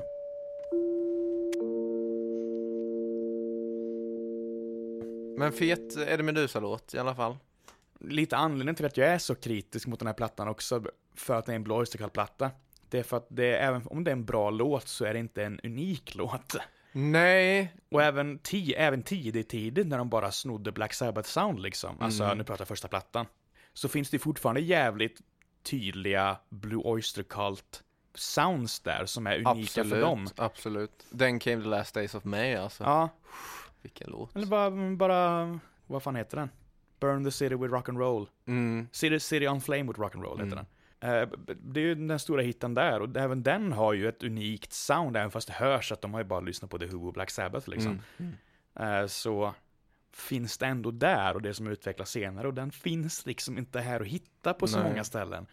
Eh, och i den här låten finns det ju inte alls. Det här är ju men Are You Speedwagon eller en Boston-låt eller Mm. något i den stilen. Lyssnar du, när du lyssnar på första plattan, lyssnar du på Redeemed? Ja, Det är ju en av mina absolut favoritlåtar Ja. någonsin av något band, punkt slut. Jag tycker den är, den är häftig alltså. ja. Och jag önskar att de gjorde mer, för den är rätt, liksom, Jag tror vi hade den på vår eh, Män som jobbar spellista. det hade vi säkert, Ja. ja. Och den är också rätt isolerad, de har inte gjort någon annan låt som är så lik den. Nej. Det är ju typ Indie är lite lik. Fan, Mm. jag måste lyssna på den sen, den är så Ja. jävla bra. Det är, Ja. är risken att vi kommer gå igenom den här plattan och komma till slutsatsen att ni borde lyssna på eh, andra Blue Oyster Cult-plattor? Det är inte helt omöjligt. Jag tror att B-sidan på denna kommer vi bara Ja, men jag tror det också. Jag tror det kommer ganska snabbt. Ja. Eh, Vi kan snacka om Mirrors. vi kan snacka om Mirrors. Title track. Återigen, Ario Speedwagon hade gjort den här låten bättre. Ja, den är, den är bra. Det är en jättebra låt. Men, en Men låt. den, den kan bli lite, lite monoton emellanåt. det låter som att låten försöker övertala mig om att den är catchigare än vad den är. Ja, ja men det förstår jag ändå. För att den, är, jag. den upprepar samma refräng så här Ja. om och om igen med en liten damkör liksom. Mm. Eh, men jag kommer inte ihåg hur refrängen går på rak arm. Pretty girls, Just end det. of the way. Pretty Girls, end of the way. Ja, Vanity's the devil's sin. ja just det. Ja. Ja. Men, eh, jo jag skulle säga någonting, nu kommer jag inte ihåg vad det var. Eh. Ja, ja, whatever. Det där är oprofessionellt som, som poddare. Ja, glömma bort vad jag Att ska du ens säga. kan med dig. Skam. Ja, Jag den har- går på Jag har torra en eh, land. sån här liten samurajkniv där ute. Jaha, Som jag tänker att du använder på dig själv sen. ja, gör seppuku. Nej, ja, det eller bara ta ett lillfinger tänker jag. jag bara, Ja, fan nu. Vi får se vad vi gör. vi, vi borde ha en title track, Siren typ. Ja, ja. Nu, nu är det title track. Ja, det är kul. Det hade varit kul. Uh, title track-grej och sen upprepning av första låten. Ja, För det, det hände på Nick Cave också. ja det I gjorde med, det! I och med att den låten kommer igen. Ja, ja, ja. Oh my god. Fy fan. Vi måste sluta. Men denna gör inte det i alla fall. Nej. Nej, för helvete, det är bra. ja. Okej, ja. Mirrors. Har vi mer att säga om Mirrors? Den är Eh. bra, men kanske eh, inte eh, extremt Nej, bra. alltså jag, alltså. Det här återigen, det är inte en dålig platta. Är det Nej. inte. Det är alls. Det är liksom, det Den är kom- bara sämre än mycket annat. Ja, det är en kompetent platta. Ja. Rakt igenom. Ja. Det här är en kompetent låt, så hade den kommit på på radion hade jag inte ogillat den. Jag hade Nej. bara suttit och diggat Men med. hade Blue Oyster Cult inte släppt den här plattan, hade någon annan gjort den, någon Ja. okänd, då hade, då hade, den inte, då hade de inte diskuterat den idag. Nej, den hade varit lite en fluga. Ja, de hade kanske haft någon låt, typ, ja, de, Indie kanske hade blivit halvstor, sen de varit en one hit wonder. Ja, Eh, men kanske. eftersom att de har gjort så jävla mycket annat bra så drunknar de bra låtarna på denna plattan Ja. i överflöd av massa annat Ja, det, det är lite så. Då är vi ändå på den starkare sidan just nu. Det är vi, det är vi. Och jag tror att det här är den sista riktigt starka låten på något sätt också. Ja, jag har, jag har faktiskt en till stark låt. Ja, ja. Har vi. Ja, men då kan vi gå vidare. Ja, för jag tycker om Moon Crazy. Moon Crazy? Ja, Okej, shit. eh, den, den gillar jag. Eh, den är också, den har lite av de senare vibbarna och lite Blue, Oy- Blue Oyster Cult-vibbar med att låten rör sig lite fram och tillbaka ur diverse Ja, stadier. Men den är väldigt syntig med. Ja, det här är också väldigt Kansas. Ja. Och det märks, det här märks ju 80-talets... Ja, Det börjar komma, ja. Ja. precis. Det är en annan låt som verkligen det bör höras på också, men det tar vi när den kommer. Men det är, ja, jag, jag diggar den, men det är också, det här, det här känns, det här hörs verkligen att nu är det en mellanpunkt för dem. Ja. För det är verkligen som att du har en blandning mellan vad de gjorde på Agents Agents of Fortune och vad de gjorde senare på Fires of Unknown Origin. Mm, mm. Det är verkligen precis i mitten av de två sounden. Framförallt Agents of Fortune har de väldigt mycket sound ifrån. Ja, och den kom, det är väl plattan innan den, eller är det två Nej, plattor två plattor innan. Ja. Eh, Men Spectres är lite annorlunda för mig än vad den här är. Men det är väldigt mycket. Spectres har så jävla många bra låtar på Ja, det har den. Väldigt många bra. Det är konstigt att de är back-to-back. Ja. För det är en så Och- jävla Och hitplatta. Spectres blev ändå inte så stor som platta. Nej. Utan den har, det är Godzilla som blev riktigt stor. Men den har också så jävla många bra. För Blue Oyster Cult är ett av de få banden där jag har lyssnat på allt. Aha. Jag har lyssnat, jag plöjde, tog en vecka och sen lyssnade jag på alla plattor i ett streck. Till och med Club Ninja och ja. Jag har hört att några av 90-talsplattorna är bra också, men jag har inte lyssnat på dem. Ja, nah. Det är inte som eh, liksom Fire of Unknown Origin Nej. och de innan, Nej, precis. tyvärr. Nej, Fires of Unknown Origin är väl lite den sista De släppte stor, någon nu, stora. någon 50-årsjubileumsgrej tror jag. Ja, jag- jag hörde att de släppte en platta bara för några år sedan som tydligen var ganska bra. Jaha, jag får ta och lyssna på den. Ja, Får vi återkomma. det är bara när jag läste, läste lite grann på... För jag var tvungen att ko- kolla upp liksom, är det bara jag som tycker att Mirrors är lite sådär? Ja, Men nej, det, var, det var inte bara det jag. är alla. Precis alla. Ja. Ja, Men, eh, och då, då kom den upp att folk verkar ändå uppskatta den till viss del. ja, ja, ja. Eh, Så det är coolt. Ska vi byta sida? Ja, till eh, The Vigil. Ja.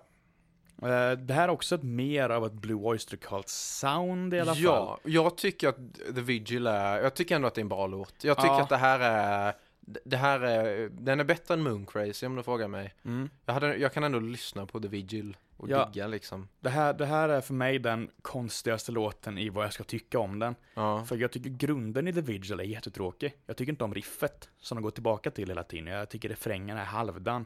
Eh, men eh, sen kommer en typ andra refräng som går tillbaka till två gånger som är ganska durig och då, då blir den jättedrömmig i soundet, jättenice. Och sen går det in på en jävla solodel som byter takt helt. Ja. Och det är så jävla fett! Det är, det är highpointen på hela plattan är den här solot med en delay-gitarr i bakgrunden. Ska vi köra det solot? Ja. Alla får lyssna på det. Men, men jag tror att det är mycket eh, symptomen av hela plattan. Det är ofta att solorna är det bästa.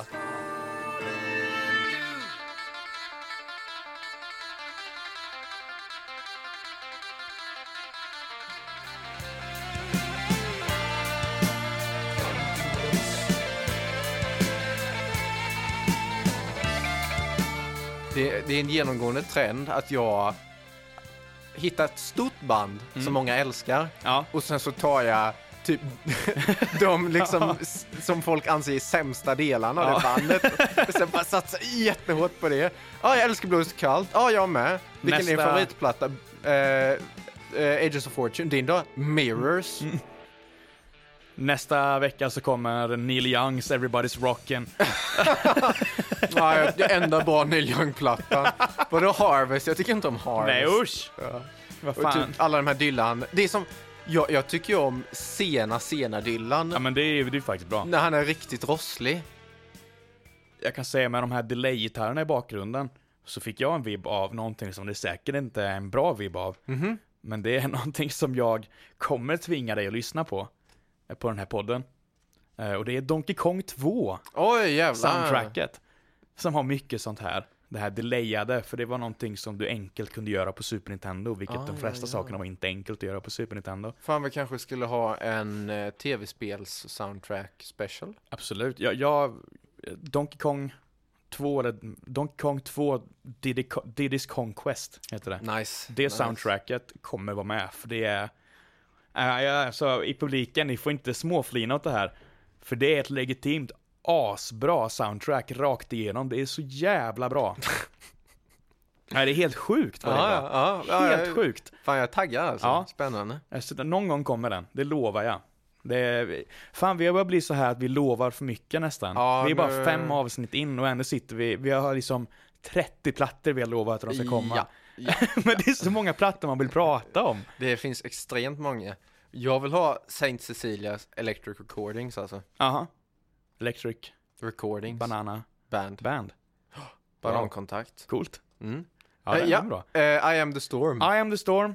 Ja, jag har skrivit I am the storm som något av en highlight på B-sidan i alla Mm, fall. det är det nog absolut. Mm. Den, är, den är mer upbeat Ja. och, och peppig och eh, som återigen bra gitarr. Ja, den är också, den här, det här låter som att de är på väg in i ett nytt stadie. Mm. För det här låter mer som, eh, ja men Tyrannosaurus rectus eller vad de heter. Cloistosaurus. Jag säger alltid Cloistosaurus rex, men det Ja. är Cloistosaurus rectus. Ja. Så, ja. Ja, och eh, Fires of Unknown Origin. Mm. Det rör sig mer åt 80-tals eh, New Wave och British Heavy Metal-soundet. ja. Eh, och det är fett där, att man börjar höra att okej, nu, nu hörs det att de är på väg i den riktningen. Det är coolt med kontextet av vart, vart de hamnar sen. Absolut, Ja, absolut. för det är en bra låt där. Det är som en teaser nästan. Ja, det är en bra låt. Ja. Jag gillar den. Eh, jag skrev att den är simpel, den är catchig, men den har fortfarande den här den här har den här edgen som jag gillar i Blue Oyster den är Cult. lite arg. Ja. Och Blue Oyster Cult har ju den här edgen med sig. Det är liksom inte... Det är inte din mammas rockband. Nej, även om det, det är lite din Det är mammas. absolut din mammas rockband. Ja. Men det var inte din mammas rockband 79. Nej, det var det verkligen inte. För då lyssnade de på Tore Skogman Ja, men och precis. Jokkmokks-Jocke. Ja, och det är med all rätt. Ja. Men eh, Blue Oyster Cult för mig är lite, inte elakare, men de är lite mer makabra i sitt sound än vad samtida hårdrocksband var. Mm, Och mm. det hörs på den här låten och det gillar jag. Ja, det är fett. Ja, det gillar jag starkt när, när de visar sig att de är, fan, och där är de, de finns ju där, där Ja. är Blue Oyster Cult, kom fram. Men sen är det bara denna låten. Ja, och sen, så kommer Mirrors igen och man, nej, ja. Hopp. ja, För då kommer nästa låt. ja. You're not the one I'm looking for. Ja, Har du lyssnat på The Cars någon gång? nej, The Cars låter exakt så här. okej. Det är helt galet. The Cars är ju inte hårdrocksband, det är ett new wave poprockband. Ja, det här är lite skate-rockigt typ. Ja. Det är jätte... Det här är den låten som jag skulle säga är minst väntan på något sätt. Ska jag spela Cars för dig? Ja. För du kommer verkligen höra det. Absolut.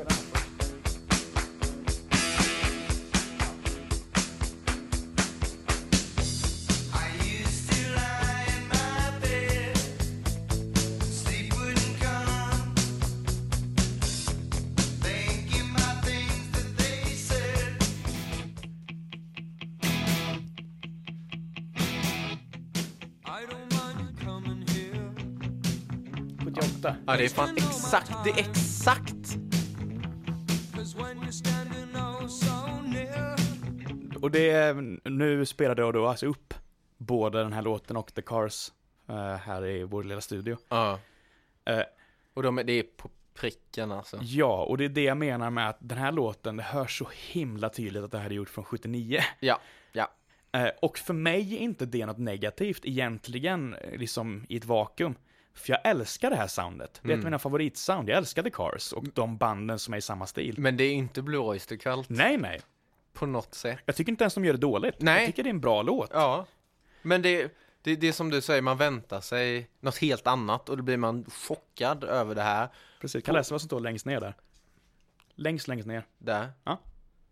Ja. Gillar den, men inte det jag väntat mig på en uh, bökplatta. Ja. Ja, nej Ja. det... Ja, ska vi kanske, vi kan säga så att det här är en bra The Cars-låt, Ja, men inte en Blue Oyster. Cult-låt. precis. Och sen slutar vi med Lonely Teardrops, Ja, som jag tycker är jättesvag. ja, det är den. Den är, Tyvärr. Den är lite mysig. Det är liksom en funkrocklåt. Ja, men inte en det? bra än. Nej, Nej, jag vet, inte. nej, ja. Jag är, vågar gå så långt som att säga att jag vet inte ens om det här är en bra låt. Nej, jag, jag skrev att den kommer liksom aldrig samman. Det Nej. känns... Den känns hastigt arrad. Ja. Som att de inte hade någon idé vad de skulle göra. De hade ett spår kvar på, på skivan. Och jag tror det är därför den ligger sist med. Mm. För att det, nu, nu har vi gjort allt och nu måste vi få ut ett sista spår och sen bara Ja. tog de något från papperskorgen typ. Jag skrev att den hade kunnat vara riktigt bra med tydligare arr. Ja. Eh, och med kanske mer tid i ugnen. För Ja. den känns så jävla hastigt ihopsatt. ja. Och mer solo. Den, solo, solo, solo alltså. Mm. För det gör de bra. Ja. Och till och med en, en, liksom en halvbra blåskallt låt blir bättre med när de slänger in lite feta Ja. solon. Nej, jag får liksom vibben av, du vet man är typ en ensemblegrupp i skolan eller något sånt där. Ja. Och sen får ni veta att ni ska göra en cover av en låt. Jag, och jag ska gå igenom det nu med min kurs, men man, man är på ensemblelektioner. Och sen går alla med på att vi ska spela den här låten och sen tycker alla att de har koll på vad de ska göra. Mm. Och så spelar man och så är man inte samspelt, liksom alla har olika idéer om hur det ska låta. Och visst, man spelar rätt liksom, det går ju ihop teoretiskt. Men i praktiken så låter det bara rörigt. Som att vi inte faktiskt har tänkt igenom vad som ska komma och det är lite så jag känner på den här låten. Mm. Det är, det är tråkigt att det slutar med en sån svag punkt faktiskt. Ja, ja, absolut. Eh, för att Eh, den, jag, jag tycker den här låten är ganska dålig. ja. Eh, Det var, var snabb genomgång av Mirrors alltså. ja, Men vi skulle kunna sammanfatta det med det här är inte riktigt en Blue Oyster-Cult-platta. nej. Den har Blue Oyster Cult-sound på vissa låtar, ja, ja. men i sin helhet. ja, jag är nyfiken på vad som hände Ja, egentligen. För att plattan innan låter inte så här. nej. Plattan efter låter inte så här. Nej. Och då ändå Cultosaurus erectus, Ja, också en lite svagare Blue Oyster-Cult-platta. Den är inte, jag skulle nästan säga att den är precis under den här. Eller över den här snarare. ja jag funderar, ja, ja den är, det är typ Hungry Boys på den Ja. som är bra. Eh, men jag funderar på om det här inte var en sån liksom skivbolagsgrej, att det Kanske. var stress som eh, Neil Young.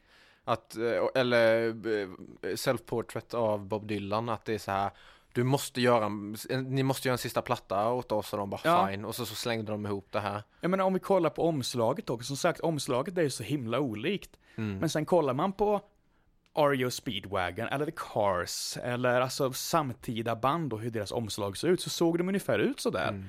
Men det kan ju också varit en sån grej att ja, vi vill ha, ni ska göra en The Cars-aktig Ja. platta nu för det är vad vi kräver. Ja, Och sen gjorde de det och ibland så sticker det sound igenom men för det mesta inte. nej. Men jag Det- tycker ändå att det är det, det finns mycket bra på denna. Och, Ja. och rätt mycket i, i sådär. Det känns som liksom, nu, det här är galet att det här är första gången jag gör en Chicago-referens i den podden. ja det är det jävla. Det satt jag och tänkte på när jag klippte avsnittet om uh, Fleetwood Mac. ja. När vi, ja men nu har vi en lite små blues, eh, eller jazz, blues, Motown-aktig låt av ett rockband med massa blås i sig. Och så sitter jag där och inte gör en Chicago-referens Det är ju om sjukt det. alltså. Vad fan är det för fel på mig? Ja, ja, ja. Men ja, det, här, det här känns nästan som den sämsta möjliga outcomen av när Chicago fick producenten David Foster under sig. Mm. För David Foster gick in och sen bara gjorde sin egen grej. Och det är då som Chicago gick från att vara liksom ganska f- stora blåslåtar till att bara vara power, 80-tals powerballader. Mm. Eh, men det gick ju ganska bra i och med att de låtarna ändå, ändå ganska bra. Det här känns som att exakt det hände. De fick in en Ja. producent som bestämde att nu ska vi göra det här. Liksom bestämde exakt allting, vad allting ska hända. Och så blir det att man bara gör bandet tråkigare i processen. ja. Och sen så kickar de honom och sen kommer Fire of Unknown Origin. Mm. Och sen, Superfet. ja. Ja. Ja, det är lite det här de säger om Mirrors. ja. De ser snygga ut i alla fall på omslaget. Eller bakomslaget, ska vi väl säga. Eh, Eli har vinylen här. Nej, de är, de är så jävla stiliga. Ja det är de. Riktigt så jävla 70-tal. Och som sagt jag har ju en eh, eh, Buck Darman cosplay på mig idag. Helt omedvetet. Mm. Eh, det var lite kul. Det var, det var inte alls genomtänkt alltså. Ni Nej, har nej, nej. exakt samma. Nej, alltså inte du. Där har vi kanske omslaget till nästa. Ja, Jag får stå och hålla i en spegel. ja. Men jag har omslagsidéer har jag. Ja. Ja, ja, ja, det var det vi hade då. Ja. Idag, vad sjukt. vad har vi eh, planerat för nästa vecka? Ja, jag kämpar lite med det. det är frågan, vi kanske ska ha en gäst nästa vecka. Så Ja. det är, ehm, det är lite oklart än. Eh, men jag funderar på om jag inte ska köra Saint Cecilias bara som en, eh, som en åter, för att eftersom att vi har en gäst så kommer det bli rätt mycket med tre plattor. Ja men då Och går vi igenom Saint Cecilias och Saint Cecilias liksom. är rätt kort, så jag Ja. tror bara det är fem, sex låtar eller någonting. Så kan vi ha det som lite återkoppling till Mm. Mirrors. Eh, Men bra, till nästa vecka så får vi antagligen en gäst då, då Ja. eh, Som kommer ta med sig lite hyperpop verkar det som Det, ja, det, ja, det lutar mot det, Ja, det jag. blir fett Ja, Eller jag kommer tycka att det är fett och du kommer jag kommer nog lida lite. det är som det här japanska metalbandet. Ja Men, Det är min mage. ja, jag trodde det var en barn som grät Ja, utanför det, det lät som en hund som gnidde. Jag vet, jag vet. Jag är inte bra i magen. Ja, fy fan. Det älgjakt förstör en inombords alltså. Man käkar bara kött konstant. Och sen bara dricker öl. Men det är ju ert fel, ta med Ja, lite jag vet, men grönsaker vad- för fan Nej! Jag bara, Ja. vad har du valt för något Isak? Vi ska lyssna på Björn Afzelius Kul! Ja, jag, jag teasade lite för dig att jag vill lyssna på Hoola Bandoola ja, ja. Men sen satt jag och tänkte liksom att fan Visst, Hoola Bandoola är nice, men typ varenda liten eh, pretto-musikgrabb har lyssnat på Hoola Bandoola. ja. Men det, Björn Afzelius är nästan bara mammor som har lyssnat på mitt, min erfarenhet. Min, mam, min mamma har förstört Björn Afzelius för mig när jag var liten. Ja, jävlar. Eller gjorde det i alla fall, sen har jag kommit tillbaka i senare ålder. Allting kan gå i Ja. tur. Bilresor, för att jag, jag kommer då alltså från Västergötland, Mariestad.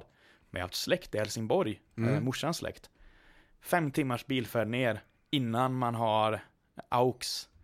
CD in, det är bara Björn Afzelius om och om igen.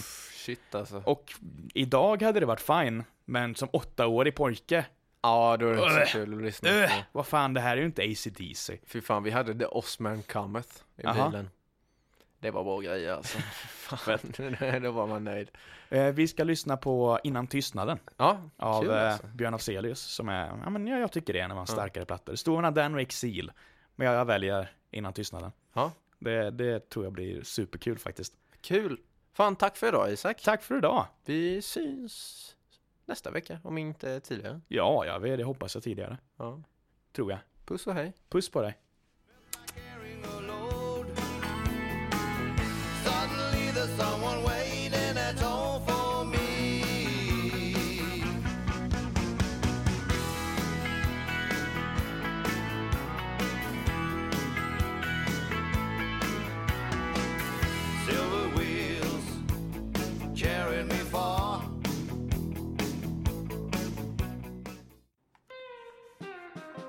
Ja, det var det för det här avsnittet av Män som jobbar, en musikpodcast som vi gör här på Radio Lur i Växjö. Tack så mycket till resten av Radio Lur, tack till Elin Mårtensson, min kära poddkamrat, och tack till Hampus Idenius som har gjort bakgrundsmusiken som ni hör här, samt vår feta introlåt. För ni som vill lyssna på de plattorna vi kommer att prata om nästa vecka i förväg så rör det sig om Saint Cecilia, The Electro Recordings av Stock Forest Group. Det är alltså det bandet som sen blev Blue Oyster Cult. Vi ska också lyssna på Björn Afzelius album Innan tystnaden. Och sen kommer då Elis sambo Sanna på besök och hen ska prata om Flamboyant av Dorian Electra. Eh, så se fram emot det. Dorian Electra, Stalk Forest Group, Björn Afzelius. Vi syns då förhoppningsvis. Tack så mycket för att ni har lyssnat hörni och ha det så fint.